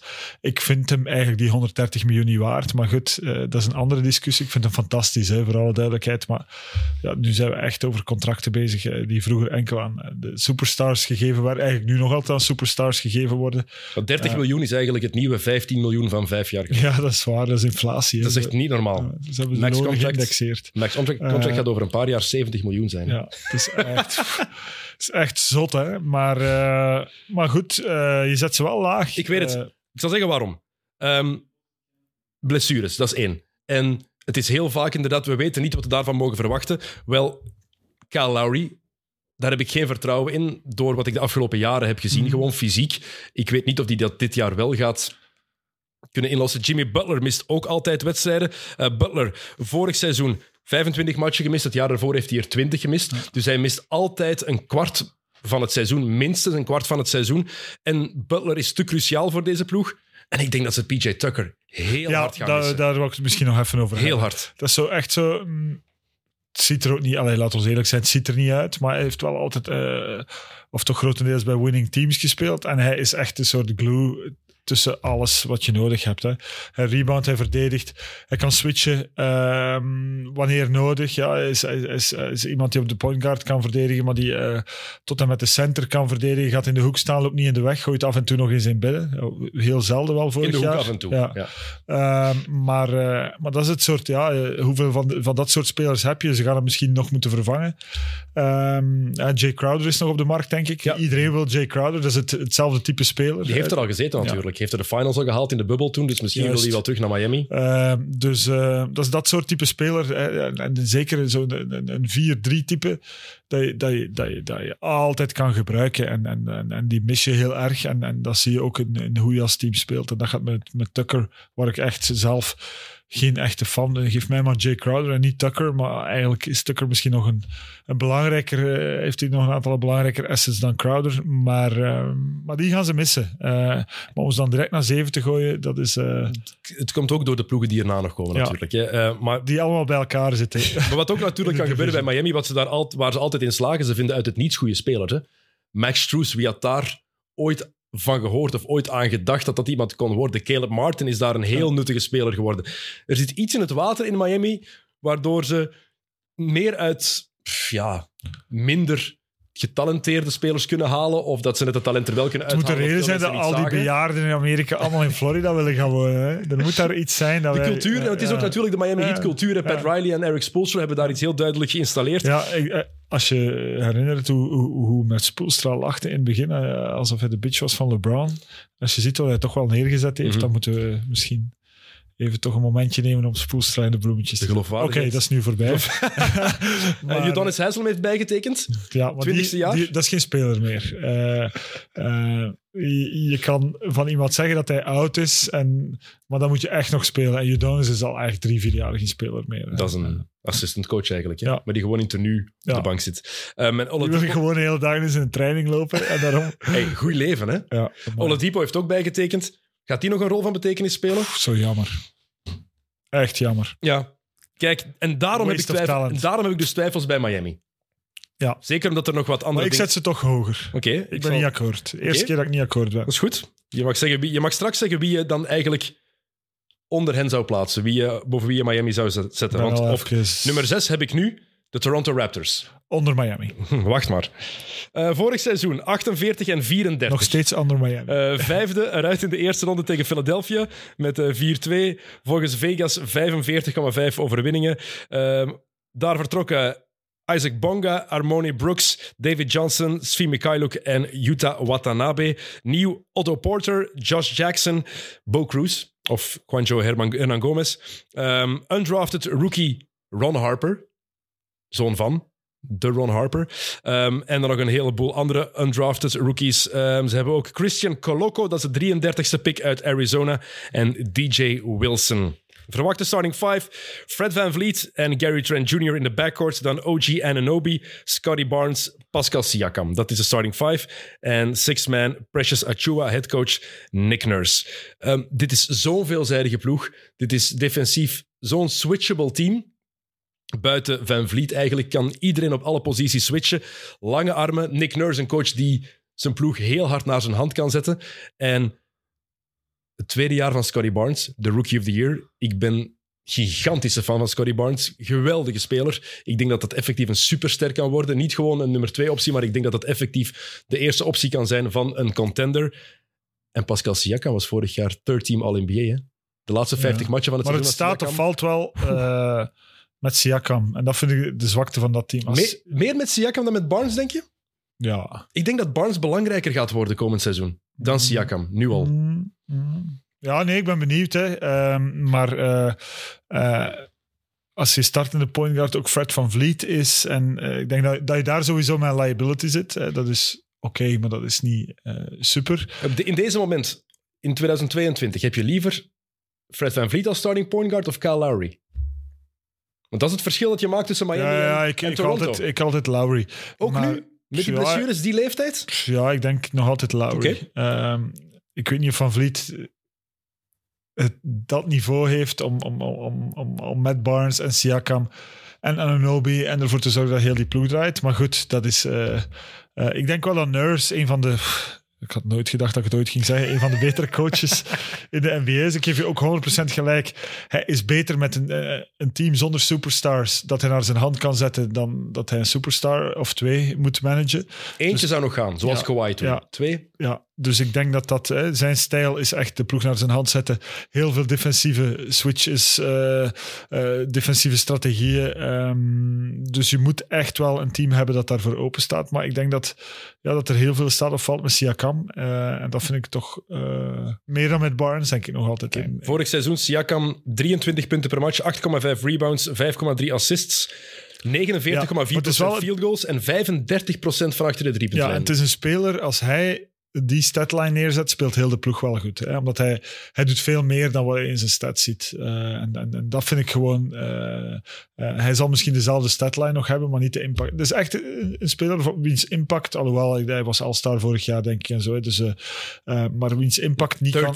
Third, team Ja. All-NBA vorig jaar. Was een van de 15 beste spelers in de Ja, NBA. En, en een speler wiens impact eigenlijk niet kan in cijfers gegoten worden. Hm. Als hij goed is, is de hele ploeg goed. En Precious Achua. Dat is, ze hebben die gekregen van Miami in de Kyle Lowry Ja. trade. En ik denk dat ze daar bij Miami heel veel spijt van gaan krijgen op termijn. Ik vind het een hele goede speler ook. En die kan van de bank komen. Je hebt Chris Bouch- Boucher daar ook nog altijd van de bank. Ik denk zelfs dat Toronto top 4 kan eindigen. Als het ontploft Kan. bij een van die andere ploegen. En er is één ploeg waar het, het ontploffingsgevaar... Allee, Dovo staat klaar, hè? Voor één ploeg. En je weet over welke ploeg ik het heb. Die komen zo meteen, die komen zo meteen aan bod. Maar er is één team waar het compleet kan mislukken. En ik zie Toronto dan wel als een van de teams die effectief daar... het begint met een B. Het begint met een B. Klopt, klopt helemaal. Ehm, maar Toronto is mijn nummer 6. nummer 5. We zijn... eh, Als ik je hoorde praten, dan eh, leek Toronto wel je nummer twee of zo. Maar eh, je bent heel enthousiast. Ja, maar ik ben enthousiast over de... Ik ben al derde keer dat ik tegen die micro tik. Excuses, een nieuwe plek voor mij om in te zitten. Het is wat aanpassen. Ehm, ik ben enthousiast over de zes eerste ploegen, eigenlijk gewoon in het oosten. Maar ik heb ook wel vraagtekens bij heel veel. Zoals bij de nummer vijf. De Cleveland Cavaliers. Vorig seizoen 44 en 38. eh Dus- achtste. Ja, ik ga je eerst laten uitspreken, maar ik heb al iets te zeggen. Achtste in het reguliere seizoen. Eruit in de play-in tegen Atlanta. Eh, volgens Vegas 47,5 overwinningen. Daar weg Moses Brown, Ed Davis, Brandon Goodwin, Laurie Markkanen, Rajon Rondo en Colin Sexton. Nieuw. Donovan Mitchell. Sharif Cooper, Mamadi Diakite, Nate Hinton, Robin Lopez, Raul Neto, Ricky Rubio is terug, Jamarco Pickett en Isaiah Mobley, de 59ste pick van USC en broer van Evan Mobley. Heel slim. Ehm, verwachte starting five, Darius Garland en Donovan Mitchell. Isaac Okoro, waarschijnlijk op de drie. Evan Mobley, Jared Allen en dan de belangrijkste mannen van de bank, Caris LeVert en Kevin Love. Eh headcoach JB Bickerstaff. Wat heb je te zeggen, Thomas? Zeg me eerst op basis waarvan dat je ze boven Miami en Toronto zet. Die vier, alleen al. Ja. Ze zijn al ingegaan. Uh, Markenen, Sexton, eh Ochai Agbaji was een draftpick. Hebben ze eh, naar Utah gestuurd. Samen met drie first-round picks en twee pick swaps. Dus echt all in voor Donovan Mitchell. Maar de kern, Mitchell, Garland, Allen en Mobley. Daarmee kan je bouwen. Niet alleen dit jaar, maar ze weten ook, oké, dit is de toekomst. Mitchell wil graag in Cleveland zijn. Hij was super enthousiast toen hij hoorde dat hij naar daar ging. En vooral dat die drie gebleven waren. En ik vond vorig jaar dat je al een bepaalde cultuur daar zag. Ja, maar die, Die wel cultuur ging ook wel samen met de mannen die ze nu weg... Allee, eh, ging ook wel een stukje samen met de mannen die ze nu wegdoen. Denk je? Eh, ik, denk, ik denk wel dat ze beter, sowieso een stuk beter zijn dan vorig jaar. Eh, ja, het is wel, allee, om nu terug te komen op de ranking, het is echt moeilijk kiezen waar je Miami, Toronto en, en Cleveland zet ten opzichte van elkaar. De eerste zeven kan. zijn gewoon super moeilijk. Ja, ehm, ja, het is nu, aan, vooral, ja, het is nu vooral aan Donovan Mitchell. Hè. Hij is nu, nu een echte... Allee, hij was al een superstar, maar nu is het echt van hè, eh, all-in voor Donovan Mitchell. Dus het is nu wel aan hem. Ehm, ik vond het wel nog grappig dat je Kevin Love bij de belangrijkste mensen van de bank die- afzette. maar vorig jaar was hij vorig het. jaar van de bank. 13,6 hij, leek punten per match. hij, hij leek een ex-speler, hè, Ja. twee, twee en drie seizoenen geleden. 13,6 punten per match. 7,2 rebounds per match. 39% van achter de driepuntlijn. Dus Kevin Love kan ook nog wel iets bijdragen. Ja, en als het was die, een mens, heel ander team wel. als die het oké vindt om een zevende man te zijn, dan zit het wel goed. Caris LeVert ziet er bij- blijkbaar goed uit ehm, op training, want die heeft ook heel wat blessures gehad. En ik denk dat de terugkeer van Ricky Rubio ook super belangrijk gaat zijn. Als dat een acht-man rotatie is en daar Dean Wade nog bij, dat je kan roteren met die negen spelers, dan heb je een fantastische kern in mijn ogen. Okoro gaat nog wel stappen moeten zetten, maar ik verwacht bijvoorbeeld ook van Evan Mobley dat hij dit jaar nog pakken beter gaat zijn dan vorig jaar. En ik vond dat een... Dat, dat is... De Cavs zouden die niet traden voor Wembanyama, denk ik. Zo hard geloven ze in Evan Mobley. Mhm. Ja, en dan met Jared Allen erbij. Als je die twee samengooit, heb je Wanyama eigenlijk. uh, Wanyama. Ehm, maar uh, dat is een superster in wording. En combineer dat met Mitchell. Mitchell, gaat, Mitchell wilde geen pas geven aan Gobert. Aan Mobley gaat hij wel de bal willen geven. Hè? En Mobley is zo veelzijdig dat hij ook op een drie-speler kan verdedigen. Die is zo mobiel dat hij dat kan. Die is snel op zijn voeten. Um, en Mitchell wil hier ook spelen. Die mens is hongerig, want hij wil iets bewijzen. Het is mislukt jaar, jaar na jaar ja, na jaar. Echt, ik denk dat we nu echt de, potentie, de, de potentieel discussie aan het voeren zijn. Ik denk dat er in Miami en Toronto dat er al meer teams staat en dat we hier echt aan het zeggen zijn, oh, zoveel potentieel. Maar het moet wel nog allemaal in elkaar. Ik snap het, hè, maar het moet wel nog allemaal in elkaar, in elkaar vallen. En, Maar het is maar één speler die Ja. zich moet ja, het inpassen. is wel je belangrijkste speler. Ja. Ik zie die backcourt gewoon nog werken. Ja, het heeft natuurlijk wel gewerkt. Eigenlijk heeft het wel gewerkt in Utah. En in Utah was het ook wel een, een team met heel veel eh, potentieel en heel veel talent rond hem. In het reguliere eh, seizoen ging het vaak goed. Hè? Het was in de playoffs dat ze altijd gewoon ineens uitdoofden. Dus daarom. Het gaat over het reguliere seizoen dit. Ik zie ze top 5 eindigen. En de backcourt gaat heel tof worden, echt.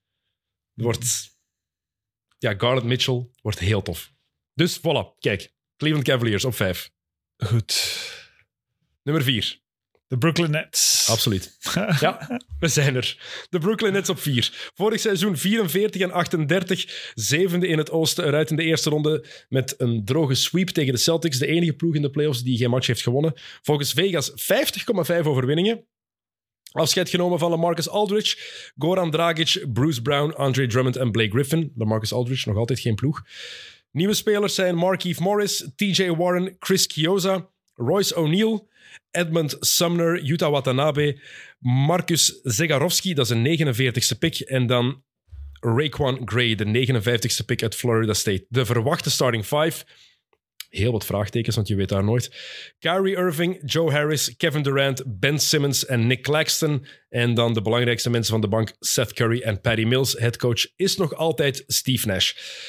Waar durf jij veel geld op inzetten? Dat het allemaal klikt en goed komt? Of dat het volledig implodeert?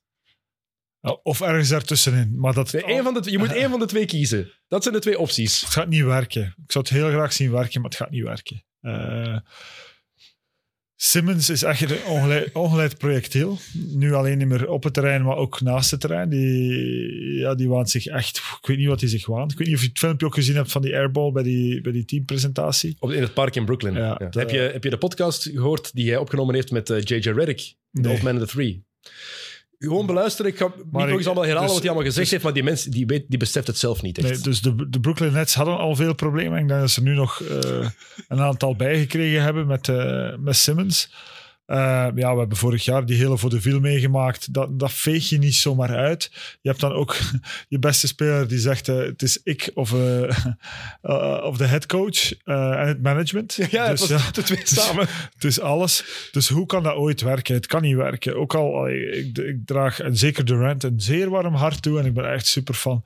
Maar Ja, wij houden allebei heel veel van de speler Kevin Durant. Ja, maar dit echt, jong, dit is gewoon, ja, dit is theater. En, en, en we zijn allemaal aan het wachten op de volgende, ja, op, op, op, de volgende, hoe zeg je dat, op, het, op de volgende episode. Op, oh, er gaat elke week wel iets te beleven zijn in Brooklyn en het gaat niet te maken hebben met een goede resultaat. Ja, ik zet ze op vier, puur en alleen omdat het op papier nog altijd genoeg Maar- talent is. Gewoon. Het is een sterk team op papier. Ze hebben Kevin Durant, dat is eigenlijk al enough set. Ze hebben nog altijd Kevin Durant. Mocht het werken, je zou ze, ja, je zou ze misschien, je zou misschien aandurven om ze op drie of twee te zetten. Maar eigenlijk zijn we ze nog altijd aan het beoordelen puur op potentieel, op, op, op het Wat het talent kan- wat en het wat kan het zou zijn. kunnen zijn. Ja, want Eh, Kevin Durant, vorig jaar heeft hij natuurlijk ook heel wat matchen gemist. Hè? Ja. Heeft eh, eh, 27 matchen gemist. Dus die mens is ook al jaren met wat blessures aan het sukkelen. Ja, Kyrie Irving. Ja, als er nu één iemand is die je niet kan vertrouwen, dan is het, dan is het die mens wel. Hè. Als er Ehm, weer COVID komt deze winter? heeft, een contra- heeft een contractjaar. Dus wie weet Ja, kan dat... Dat ook nog. Ja. Eh, ah, dat was nog iets dat ik vergeten te zeggen. Ben, zijn er niet heel veel contractjaren bij de, bij de Raptors? Geen idee. Goed, daar moeten we niet meer over hebben. Maar meteen eens opzoeken. Ja, toen ik eh, aan de Raptors dacht, dacht ik van... hmm, ehm, Ik ga zo meteen eens kijken. Hoops Hive heeft er een goed overzicht eh, bij. ja, maar goed, Ehm, we kunnen even verder doen over ja. Brooklyn. Sorry dat ik uh, Geen- geen probleem. Ehm. Dus ehm Kyrie Irving heeft in die zes jaar bij Cleveland destijds 19% van de matchen gemist. Bij Boston in twee seizoenen 29%. Nu bij Brooklyn al 53% van de matchen Maar, gemist. ja, maar het is niet dat hij gekwetst was. Nee. Het, is niet dat hij Maar hij geblesseerd heeft wel was. ook dus- heel veel blessures gehad. Ja, hè. ja, Denk aan de playoffs twee ja. jaar geleden. Nee, dat klopt. Het was ook door zijn blessure Ja. Dat hij niet meer kon meedoen ehm, tegen Milwaukee in die serie, die ze nog, bij, die ze nog bijna winnen. Ehm, Maar we zijn eigenlijk ook wel een beetje blij met Brooklyn. Hè? Met, met alles dat het gaat teweeg brengen en wat er allemaal gaat gebeuren. En Simmons daar nu bij. En, eh, maar ze gaan volgens mij, die 50,5 is echt wel een heel ambitieuze eh, over-under eh, van Vegas voor de, voor de Brooklyn Nets. Dat is echt, ja, dat is echt 51, 31. Dat is echt wel een heel winning season voor, eh voor, eh voor maar niet als het klikt, want als we dan even heel optimistisch zijn en denkt aan wat het kan zijn, small ball team met Ben Simmons op de vijf. Ben Simmons defensief zijn kwaliteiten. Jij verwees net naar dat filmpje in het park. Ja, dat is een shot. Ik weet niet wat, wat daar precies gebeurt, maar hoe die bal van zijn ik hand heb er twintig keer naar gekeken. dat Ik kon het ook niet vatten. Want eigenlijk, eh, mocht je de ring niet zien en je ziet hem weggooien, dan denk je van, oh, savan nog, weet je. Maar het is, het is niet gewoon ernaast. Hè. Het, is echt, eh, ja, het is echt gewoon een meter. Allee, het is een meter verkeerd dat hij gooit. Eh, en, en als je dan beter begint te kijken, zie je dat zijn linkerhand iets heel, iets heel raars Ja. doet. Klopt echt, klopt gewoon niet. Ehm, maar die mens heeft natuurlijk anderhalf jaar niet meer gespeeld. dat ook Eh, nog. Zijn laatste match was tegen Atlanta, toen met Philadelphia, toen hij die bal afgaf Ja. aan, eh aan ehm Thibault in plaats van die er zelf door te trekken. Dus, tja, de- veel vragen over Simmons. Gaat hij blijven spelen? Wat gaat zijn rol zijn? Gaat hij een shot durven nemen? Gaat hij naar de ring durven gaan? Want ze gaan fouten op hem maken. En op de vrijworplijn is het een even grote ramp, want hij kan geen vrijworpen nemen. Ehm, in die serie tegen Atlanta was het nog geen 40% van, achter, van op de vrijworplijn. 40%! Zel, dat, daar zou zelfs Shaquille O'Neal zich voor schamen. Nee, Sha- Shaquille heeft dat ook wel gehad, denk ik. Nog geen 40% nooit, denk ik. Altijd boven, boven de 40 en s- rond de 50 meestal zelfs. 38% als NBA-speler. Dat is onaanvaarbaar. Sorry. Ook Ja, maar, dan ja, maar onaanvaardbaar, dan scheelt er gewoon gooi iets. dan hè. Onderhands.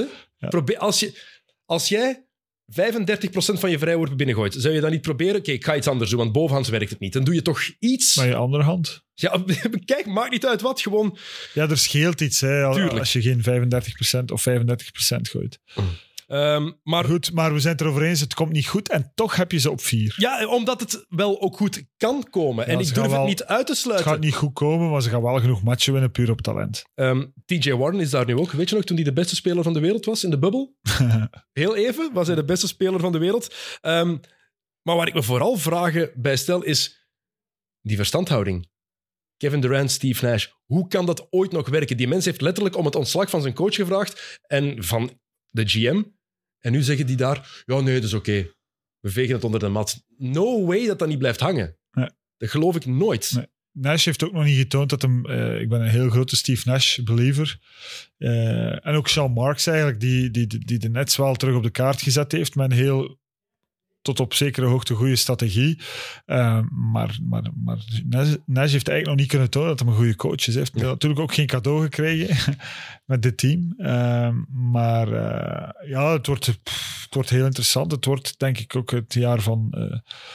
Steve Nash, of die, of die een, een goede carrière gaat hebben of niet, dat, dat kan misschien dit jaar ook wel beslist worden. En het is nog niet zo lang geleden dat het er zo mooi uitzag met Kyrie, Harden en, en, ehm, en KD. Hè? Ja. Het, een dikke teen? Wat was Ja. het verwijderd? Van de... Ja, maar als je nu, ja, toen op de lijn stond, Ja. maar eh, als je nu. eh, als je nu erover nadenkt en je zegt die drie in één zin, dan, dan schiet je net niet in de lach natuurlijk. Hè, dat dat ooit had kunnen werken. Dat is echt maf. Oké, nummer drie in het oosten. De Boston Celtics. De Eastern Conference Champs. Vorig seizoen 51 en 31. Eh, daarmee waren ze tweede in het oosten. De finals gehaald en verloren van Golden State in zes matchen. Volgens Vegas 53,5 overwinningen. Niemand wordt hoger ingeschat eh, in Vegas dan de Boston Celtics op dit moment. Ehm, afscheid genomen van Daniel, Daniel Thijs, Nick Stauskas, die zat daar ook. Matt Ryan, niet de quarterback. Aaron Neesmith, Juwan Morgan, Malik Fitz. En tijdelijk van hun headcoach Ime Udoka. Ehm, nieuwe spelers zijn Malcolm Brogdon, Danilo Gallinari, ook al gaat hij het hele jaar missen, met een blessure voor zijn kruisband afgescheurd. Justin Jackson, Blake Griffin, Noah Vonleh, Lucas Samanic, Jake Lehman en dan J.D. Davidson. Dat is de 53ste pick uit Alabama. Zoek die mensen even op, die heeft geweldig haar. Mag even vermeld worden. Eh, verwachte starting five, Marcus Smart, Jalen Brown, Jason Tatum, Al Horford, Robert Williams. Als die terug is na zijn blessure. Is wel geen super ernstige blessure, denk ik. Wel nog tien weken oud. Ah, oké. Dus wel, va. er wordt verwacht dat hij pas effectief terug gerodeerd gaat zijn de tegen de All-Star break, ja. En dat is pas in februari. Goed, sorry. Zesde, en ze- zesde man? Eh, Malcolm Brogdon. Ah, ja, En headcoach Joe Mazzulla. En daar begint het mee. Want Ime Udoka is geschorst voor een jaar. Of die gaat terugkomen, ik denk het niet eerlijk gezegd. Maar Hoe kan je nu geschorst zijn voor een jaar? ja, dat is kijk, ook heel... ehm, er zijn, de grote details zijn nog altijd niet naar buiten gekomen. Maar Wat- Udoka is een jaar geschorst. Dat gaat toch als een, een schaduw over die ploeg hangen heel het seizoen. Hij was zo belangrijk maar voor wat Boston je, deed. ofwel gooi je hem buiten. Hè, en is het echt ernstig en heb je alle reden hè, om, om je coach buiten te gooien.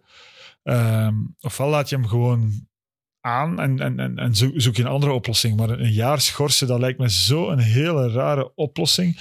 Waarbij dat je niet... Ja, dat, dat zorgt voor onzekerheid. Ondanks het feit dat iedereen wel lovend is over Mazzula en het potentieel van Mazzula. Blijkbaar tactisch enorm sterk. Ehm, dus eh, ja, heel... eh, eh, ehm, heel vreemde. Ik vind dat een heel vreemde beslissing. En eigenlijk, ja, we zijn eigenlijk allemaal een beetje. Ja, we willen gewoon de details weten. Hè. We willen weten van hoe zat dat Waarom- daar nu? En wie was dat? Hè? Was dat de vrouw van Brad? Of was dat. Wij willen gewoon weten waarover het gaat. Om dan te kunnen beoordelen of dat, dat de juiste straf is. En, en dat, dat lekt wel niet naar buiten. Hè. Eh, Nee. De NBA is normaal gezien gespecialiseerd in het lekken.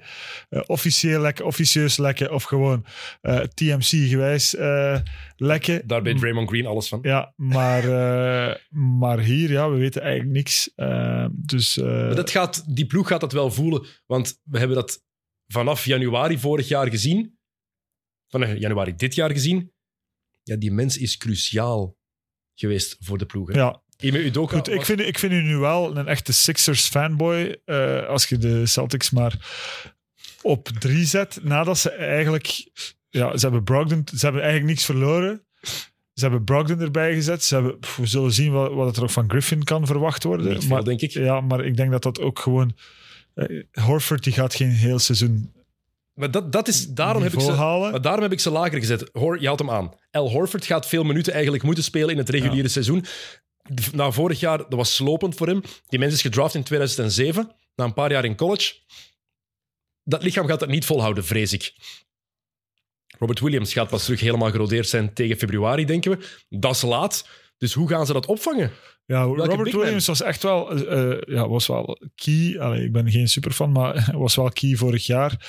Eh, want iedereen vergeet hoe slecht is. Allee, niet, niet, niet iedereen vergeet, maar veel mensen vergeten hoe slecht de Celtics aan het seizoen begonnen zijn vorig jaar. Ik denk dat die 23, 24 gestart zijn. Sinds januari, 1 januari, waren ze 34 en 12. Ja, en 28, 7 het seizoen geëindigd, denk ik. Dus daarom. ja, ja. Maar ze hebben Robert Ja. Williams wel nodig Ja. voor die defense. En dat is waar ze vorig... Ze hadden sinds januari een historische defense. Ze waren de beste over het, het hele reguliere seizoen. Waren ze de beste van de, van de hele NBA. Maar vanaf januari was het historisch goed. En ik weet niet of ze dat gaan kunnen ehm, nadoen. Of ze dat nog eens gaan kunnen doen zonder Williams. Met Horford die niet elke match gaat kunnen spelen. En zonder Udoka om dat te leiden. Daar heb ik enorme twijfels bij. Ja. Ehm, nee, nee, ja, ik snap je twijfels. Tegelijkertijd, eh, we mogen er ook niet... eh, ik ga nog eens op terugkomen, want we mogen er ook niet licht over gaan. Hè. Het feit dat er een, een schorsing van een jaar uitgesproken is, er moet wel ergens iets zijn dat niet goed te praten valt. Hè. En, Dat is eh, evenveel als Robert Sarver had gekregen van de league. hè. ja, dus er moet ergens wel ehm, ja, toch wel grond zijn. eh, en dat heeft impact op de hele organisatie. En eh, ja, dat is toch wel ehm, ja, moeilijk te beoordelen wat dat dan nu gaat betekenen. En wij kunnen hier nu wel over, die, over de spelers en hoe goed die zijn. Maar de, de impact daarvan gaat misschien groter zijn dan van wat wij hier nu aan het bespreken, bespreken. Nu, Plus ook, ja, Brog- om nog even op Brogdon terug te keren. Ja, we weten ook niet hoe gezond die gaat zijn. Hè, want je, je voegt die wel toe. Maar die heeft ook zo'n historiek altijd mist hij wel een match of ja, twintig. Van, van, eh, van blessures, dat je dat ook niet weet. Eh, maar wel- goed, Brogdon, dat vroeg- wou ik jou nog vragen ook, want er komt daar opnieuw een leider in de ploeg. Nog één. Je hebt daar Jalen Brown, die natural zichzelf leader. een leider vindt. Al Horford. Grant Williams vindt zichzelf een leider, Marcus Smart. Ja. Ja- Jason Tatum is eigenlijk is de beste speler. Maar de minst leider van al die mannen. Kan je te veel leiders hebben in een ploeg? Of kan je te veel, ploeg, te veel spelers hebben die denken dat ze moeten leiden? Of maakt dat niet uit op dat niveau? eh, eh, Nee, je kan dat hebben, maar eh, het voordeel dat de Celtics hebben is dat die niet met, zoals de Brooklyn Nets, ja, daar denken ze ook allemaal dat ze leider zijn, maar dat denken ze ook allemaal in functie van hun eigen personal brand. En, eh, en dat, heb je, dat heb je bij de Celtics veel minder. Bij de Celtics zijn ze er wel allemaal om, omwille van één reden, ze willen allemaal een titel. Eh, bij, de, bij de Nets bijvoorbeeld zit je vooral met mensen die bezig zijn van eh, hoeveel ga ik bij mijn volgende paycheck Is het- is het en mijn volgende team? contract. Moet mijn En- team ja, zijn. moet mijn team zijn. En, en dat heb je minder bij de Celtics. Dus het gaat er echt wel over dat ze, en zeker na de gemiste kans, want dat mogen we het wel noemen vorig jaar, want ze waren echt wel veruit, behalve wij hier, eh, of ik in elk geval, eh, werd er eigenlijk weinig, werd, werd, de, werd de Warriors weinig kansen toegedicht in de finals. Iedereen ging ervan uit dat de Celtics... Nee, eh, Ik had ook Golden State hoor hier. ja, denk, denk enkel Niels had hier Ah, Oké. Boston gezegd. Ja. Ik had ze vorig seizoen op drie gezet, ook in de, in de preview. Maar ehm, ja, ik ben heel benieuwd wat het gaat worden. Uh, mannen met de gaten te houden nog. Iedereen is daar super enthousiast over. Lees en hoor ik overal Sam Hauser. Die gaat blijkbaar ook wel meer minuten krijgen. Voilà. Yes. Nummer twee. Dat was te lang, hè? Over de Celtics. Ja, kijk, de, laatste, de top vier ploegen, dat is moeilijker. Nummer twee in het reguliere seizoen. De Milwaukee Bucks. I know, ik weet het. Jongen, jongen, jongen, jongen. Oops, I did it again. James Harden fanboy dan nee, ook nog. Straks, nee, straks. Oh. Oops, I did it again, maar dat is voor z'n beat. Uh, vorig seizoen Milwaukee, 51 en 31. Derde in het oosten, eruit in de tweede ronde tegen Boston uh, in zeven matchen, zonder Chris Middleton. Uh, volgens Vegas 52,5 overwinningen. Afscheid genomen van Ray John Tucker. Dat is het. nieuw Joe Ingles... Marquise Bolden, Marjon Beauchamp, uh, de 24e pick uit de G-League en AJ Green, undrafted rookie. Verwachte starting five, uh, Drew Holiday, Grayson Allen, Chris Middleton, als hij weer gezond is, want die is nog altijd niet helemaal fit. Zou niet zo lang meer moeten duren, blijkbaar. Um, Giannis Antetokounmpo en Brook Lopez. En dan de six man, ja, dat zal ofwel voor uh, Pat Connaughton zijn of voor Bobby Portis. Het coach is nog altijd Mike Budenholzer. De Bucks, zoals altijd, wordt daar weer amper over gepraat, hè? Die zijn daar gewoon, altijd. Small market. Ja, uh, maar die hebben wel de beste lelijke, basketter van de wereld. Hè? Ja, lelijke jerseys. En, uh, maar dus dat, dat, dat, speelt ook een rol. Nee, dat speelt geen rol. Maar um, ik hoorde ze net opsommen en nu vraag ik me echt af van hoe dat je niet kan doorhebben, dan is dat deze mannen gewoon, ja, dat die gewoon eerste gaan eindigen in het oosten. Dat is echt... Die, het enige dat je zou kunnen zeggen is... Zal je uh, zeggen waarom? Ja, blessure bij die drie. Nee. Hè. Omdat ik het is ook een ploeg die intussen wel weet wat ze moeten doen in het, in het reguliere seizoen om hoog genoeg te eindigen. En niet elke match voluit ja, gaan. maar Janis gaat deliveren. Hè. En, dus, maar Janis mist elk jaar ook wel meer matchen dan we eigenlijk denken, hoor. Tien. Wacht, hè. vorig seizoen heeft hij maar 67 matchen gespeeld. Hè? Ja, 15. Heeft hij, heeft hij er 15 gemist? Ik weet het, maar dat is wel... Het jaar daarvoor heeft hij 61 matchen gespeeld. Het jaar daarvoor heeft hij 63 matchen gespeeld. Hij mist altijd 10, 15 en, matchen. Is er ook geen load management bij? Ja, tuurlijk. Daarom ook, dat bedoel ik. Ja. Hè. Maar dat neem ik allemaal mee in die rekening. Er, ge er gebeurt load management bij Milwaukee, omdat ze ook maar weten... gelukkig gaan de Sixers geen load die management number, one overall, die number one overall pick is... Die, die number one overall seed is minder belangrijk voor hen geworden. Ze hebben dat... Het reguliere seizoen, ze hebben daar... Daarom dat je bij het begin van deze uitzending, of bij het begin van de podcast, zei van het reguliere seizoen, absoluut. straks wordt dat weer belangrijk. Absoluut, maar ja... Maar kom, allee, we nee, ik, ik vind Milwaukee de beste ploeg in het oosten. Ik denk dat zij de Eastern Conference zullen winnen in de playoffs. Ja, maar in het reguliere seizoen denk ik niet dat ze de number one seed gaan hebben. Dat is het buik punt, hè. moet je toch zeggen, dit is de beste ploeg. Zeg ik Eh, toch? Maar ik zeg gewoon niet dat ze op één gaan eindigen. Ja, maar het is wel de beste ploeg in het oosten. Ah, ik, ik, ik wens het iedereen echt toe dat ze echt op één eindigen nu. Eh, alleen, alleen Janis Antetokounmpo al. ja. Het is de Maar beste ook- basketter van de wereld. Ook, hè. nee, maar ook eh, Chris Middleton als hij gezond is. En, want het zijn ook wel de enigen die de Celtics het eigenlijk zonder Middleton super moeilijk gemaakt hebben. En, en eigenlijk ook hadden kunnen doorgaan. Oké, in Game 7 zakken ze er echt wel door. Wat ook niet Eh, onbegrijpelijk ja, is. Hè. En Middleton, het is de belangrijkste balhandler van die ploeg. Dat is niet Drew Holiday, hè. dat is Chris Middleton. Maar je zit daar echt met allemaal spelers in hun prime. Hè? Met Chris Middleton, met, eh, met Holiday, nu met Janis. Oké, Janis is als- nog naar zijn prime over- aan toe Ja, eigenlijk. als je al over een prime kan spreken bij Janis. maar, maar er zijn ook anderen. Hè? Je zit ook met Portis, die eigenlijk nog altijd... eh, met Connaughton, met... eh, ja, je hebt echt... Allee, ik... eh, ik eh, snap je redenering, maar ik ben, er helemaal, ik ben het er helemaal niet mee eens. Ik denk dat Dus deze jij denkt dat ze sowieso het beste record gaan hebben in ik het denk dat oosten? ze naar de beste record Ik denk dat ze de beste ploeg zijn, maar ik denk niet dat ze de nummer 1 seed gaan zijn. Dat is mijn redenering. Maar ik denk wel dat het de beste ploeg is, intrinsiek. Eh Javon Carter is een heel onbekende naam, ehm, maar die gaat nu heel het seizoen in Milwaukee zijn, gaat heel het seizoen fit zijn. Dat is iemand die echt wel wat minuten gaat krijgen. Brook Lopez, vorig jaar heel veel tijd gemist met die rugblessure. Nu is hij erbij van het begin.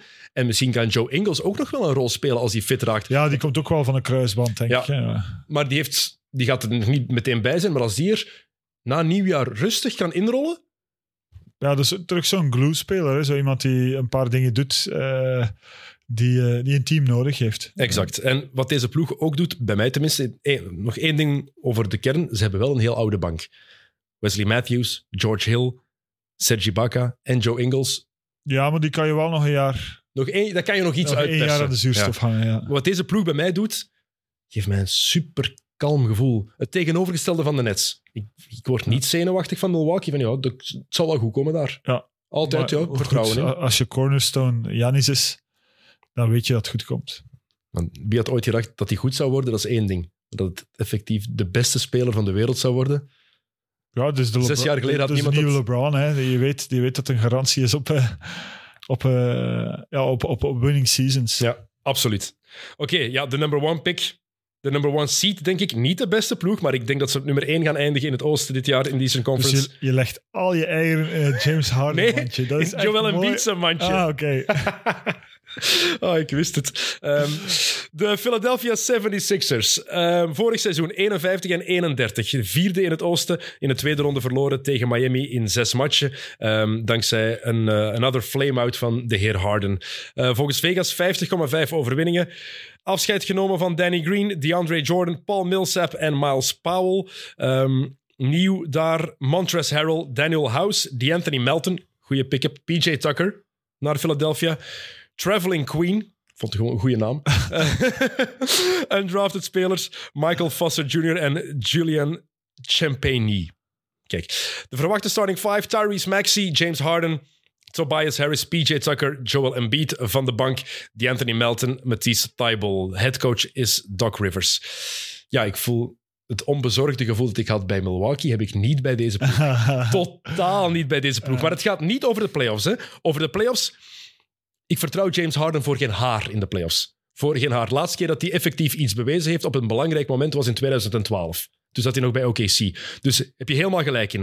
Ik vertrouw die voor geen haar. Maar in het reguliere seizoen, ja, regular season James Harden, Ja, Kan wel dingen. Houston, maar ik ben Het toch... is niet wel Houston Harden, Ja, hè? ik wil Houston Harden terug. die gaat nooit meer terugkomen. Ja, en dat, dat vind ik zo jammer.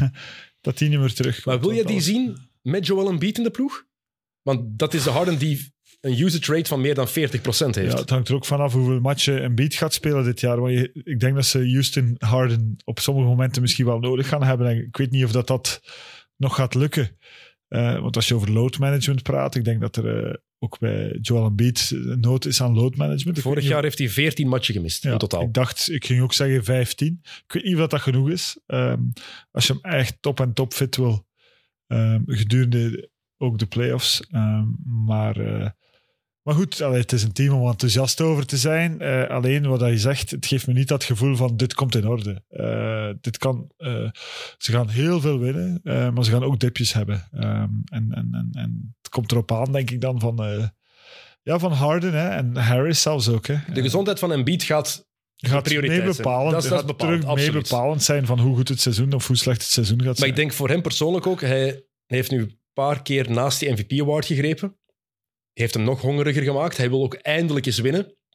Ja, het is een zotte speler. Laten we eerlijk zijn, het is een zotte speler. Wat hij ook allemaal kan. Hij is echt ook wel een winnaar, dat moet je hem wel geven. Hij is, is echt op die positie, eh, zelden gezien, eh, heeft hij, eh, heb ik zelden gezien iemand die zo hard de bal opeist en zegt... Laat mij maar, geef maar aan mij. Ik ga, ik ga het wel doen. En die het dan ook doet, want dat is een niet evidente positie. Hè. Normaal gezien zijn het baldragers die, die op die momenten de bal willen. ehm, of willen bijhouden en niet willen afgeven. Maar hij is echt op dat vlak is mentaal supersterk. Ehm, ik weet niet of het mentaal supersterk is of een soort ignorance eh, die hij heeft, waardoor, waardoor, hij, waardoor de- hij dat kan. Of de Eh, combinatie van de twee. ja, dat kan ook. Eh, dat eh, geen IQ van 160 is, eh, dat zou ook kunnen. Eh, Moeilijk om over te ja, oordelen. het is echt, ja, soms denk ik ook van hij is super slim. ja, absoluut. Dus ja, dus je, je kan hem moeilijk ik, peilen. denk, ik denk eigenlijk, het la- zeker naast het veld, dingen dat hij zegt, van, die zijn, er is zo over nagedacht. ja, Die mens is heel, op dat vlak denk je dat hij heel clever is. Op het veld varieert het van een high IQ-play naar wat doe je nu? Oh, maar het werkt omdat je zo goed bent. Ja, maar hij is echt supergoed. Hè. Dus het staat of valt een beetje met hem. En dan, ja, de supportcast nu is, ja, is beter dan ze ooit geweest. Dus daar, daar ben ik het mee eens. Ja.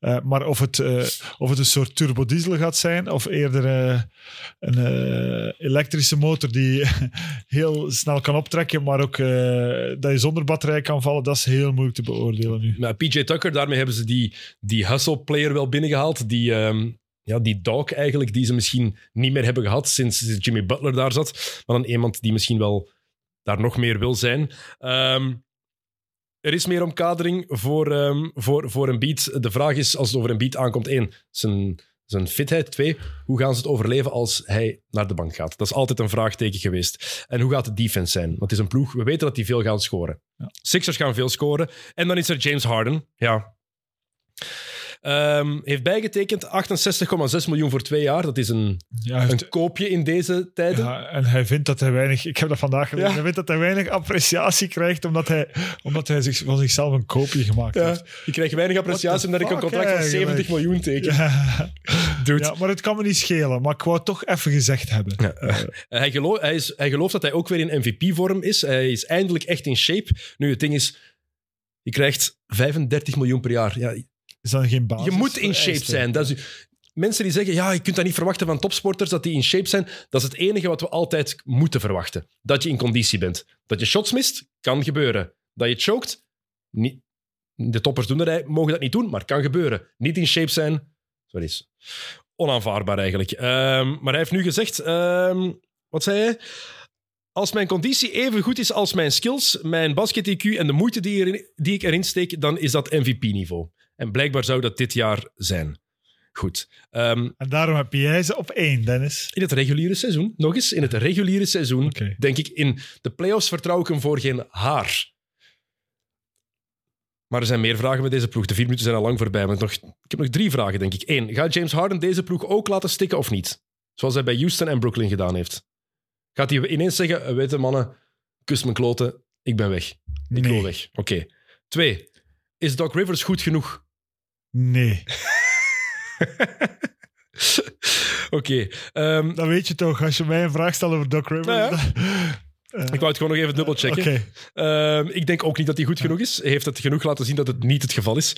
Ehm, en drie, gaat Joel Embiid eindelijk eens een seizoen krijgen zonder zo fluke injury. Zoals dat hij ineens aanloopt tegen de elleboog van Pascal Siakam en zijn gezicht breekt. Nee, want daarvoor is hij is echt super gecoördineerd, maar tegelijkertijd soms heel onhandig. Ja. Dat is heel, snap je wat ik wil zeggen? Ja, Zo het ziet er lomp uit Ja, soms. zijn le- ja, terwijl het echt wel gecoördineerd is, maar zijn ledematen gaan alle kanten soms op. En eh, hij landt ook soms heel erg off-balance, dat- waarbij ik echt mijn, mijn hart soms niet een vasthoud. blokshot gehad? Was het in de playoffs vorig jaar? Waarin hij niet ver van die staander landt, waar je denkt, oh, uw kruisbanden zijn, Ja. ze biedt compleet over, man. Ja, Ja. Dat bedoel ik. oké. Dus dat eh, kan wel nog eens gebeuren. Oké, snap ik helemaal. Maar ehm, deze ploeg klopt wel op papier nu. En als ze de conference finals niet halen, is het een mislukt seizoen. Sowieso. Voilà. En de laatste keer dat ze die trouwens hebben gehaald, was met Allen Iverson in 2001, toen ze de finals hebben bereikt. Sindsdien hebben ze de conference finals niet meer bereikt. Goed. Dat is het schande. Allen Iverson en wie nog? Ehm, Aaron McKee, Eric Snow, Matt Geiger. En Todd McCullough. Nee, eh Todd McCullough inderdaad ook. Zat daar toen ook. Zat op de bank, denk ik toen, ja. Want Theo Ratliff is toen getrade voor Dikembe Mutombo, die is er toen Juist. bijgekomen. En wie had er nog? Een Jones. Was dat Popeye Jones die daar ook zat? Jermaine Jones? Jermaine Jones, denk ik. Met die Goed, we gaan... Veel te eh, breed. Die truitjes die dat zo tot hier kwamen, die Eh, van boven van boven. ah, ja. speciaal. en heel shiny waren. Ja. Ehm, Oké, goed. Oosten zit erop. Nog één ding opzoeken van Toronto, wat je had gevraagd. Die spelers die einde contract zouden zijn. Ehm, eigenlijk is dat nee, enkel Josh Jackson en Juancho Hernan Gomez. Iedereen Nee, heeft nog een contract na dit jaar. Goed, dan, eh, Dat valt mee. dan, ja, dan worden ze zesde na Miami en voor Brooklyn. Oké, goed. Eh, dat was het voor de Eastern Conference. We hebben vier minuten over elke ploeg gepraat. Over de grootste ploegen iets langer, maar kijk, het is onvermijdelijk natuurlijk. Ehm, wij gaan zo meteen verder. Voor jullie is dat overmorgen. Dan volgt er eh, een nieuwe XNO's. Dan gaan we vooruitblikken op de Western Conference. En ik ga eerlijk zijn, het was daar nog moeilijker dan het Oosten. De top is zot daar, Thomas. Dus het was- het wordt plezant. To- Toast was eigenlijk niet zo moeilijk dit jaar. Nee, het was heel, het was heel gemakkelijk. Eh, laat weten wat jullie ervan vinden. Nogmaals, het gaat over het reguliere seizoen wat, we, eh, wat ik eh, hier heb gerangschikt. Maar eh, geef gerust jullie mening hieronder. En eh, heel graag afspraak over eh, twee dagen voor eh, de volgende preview, die van de Western Conference. Salut.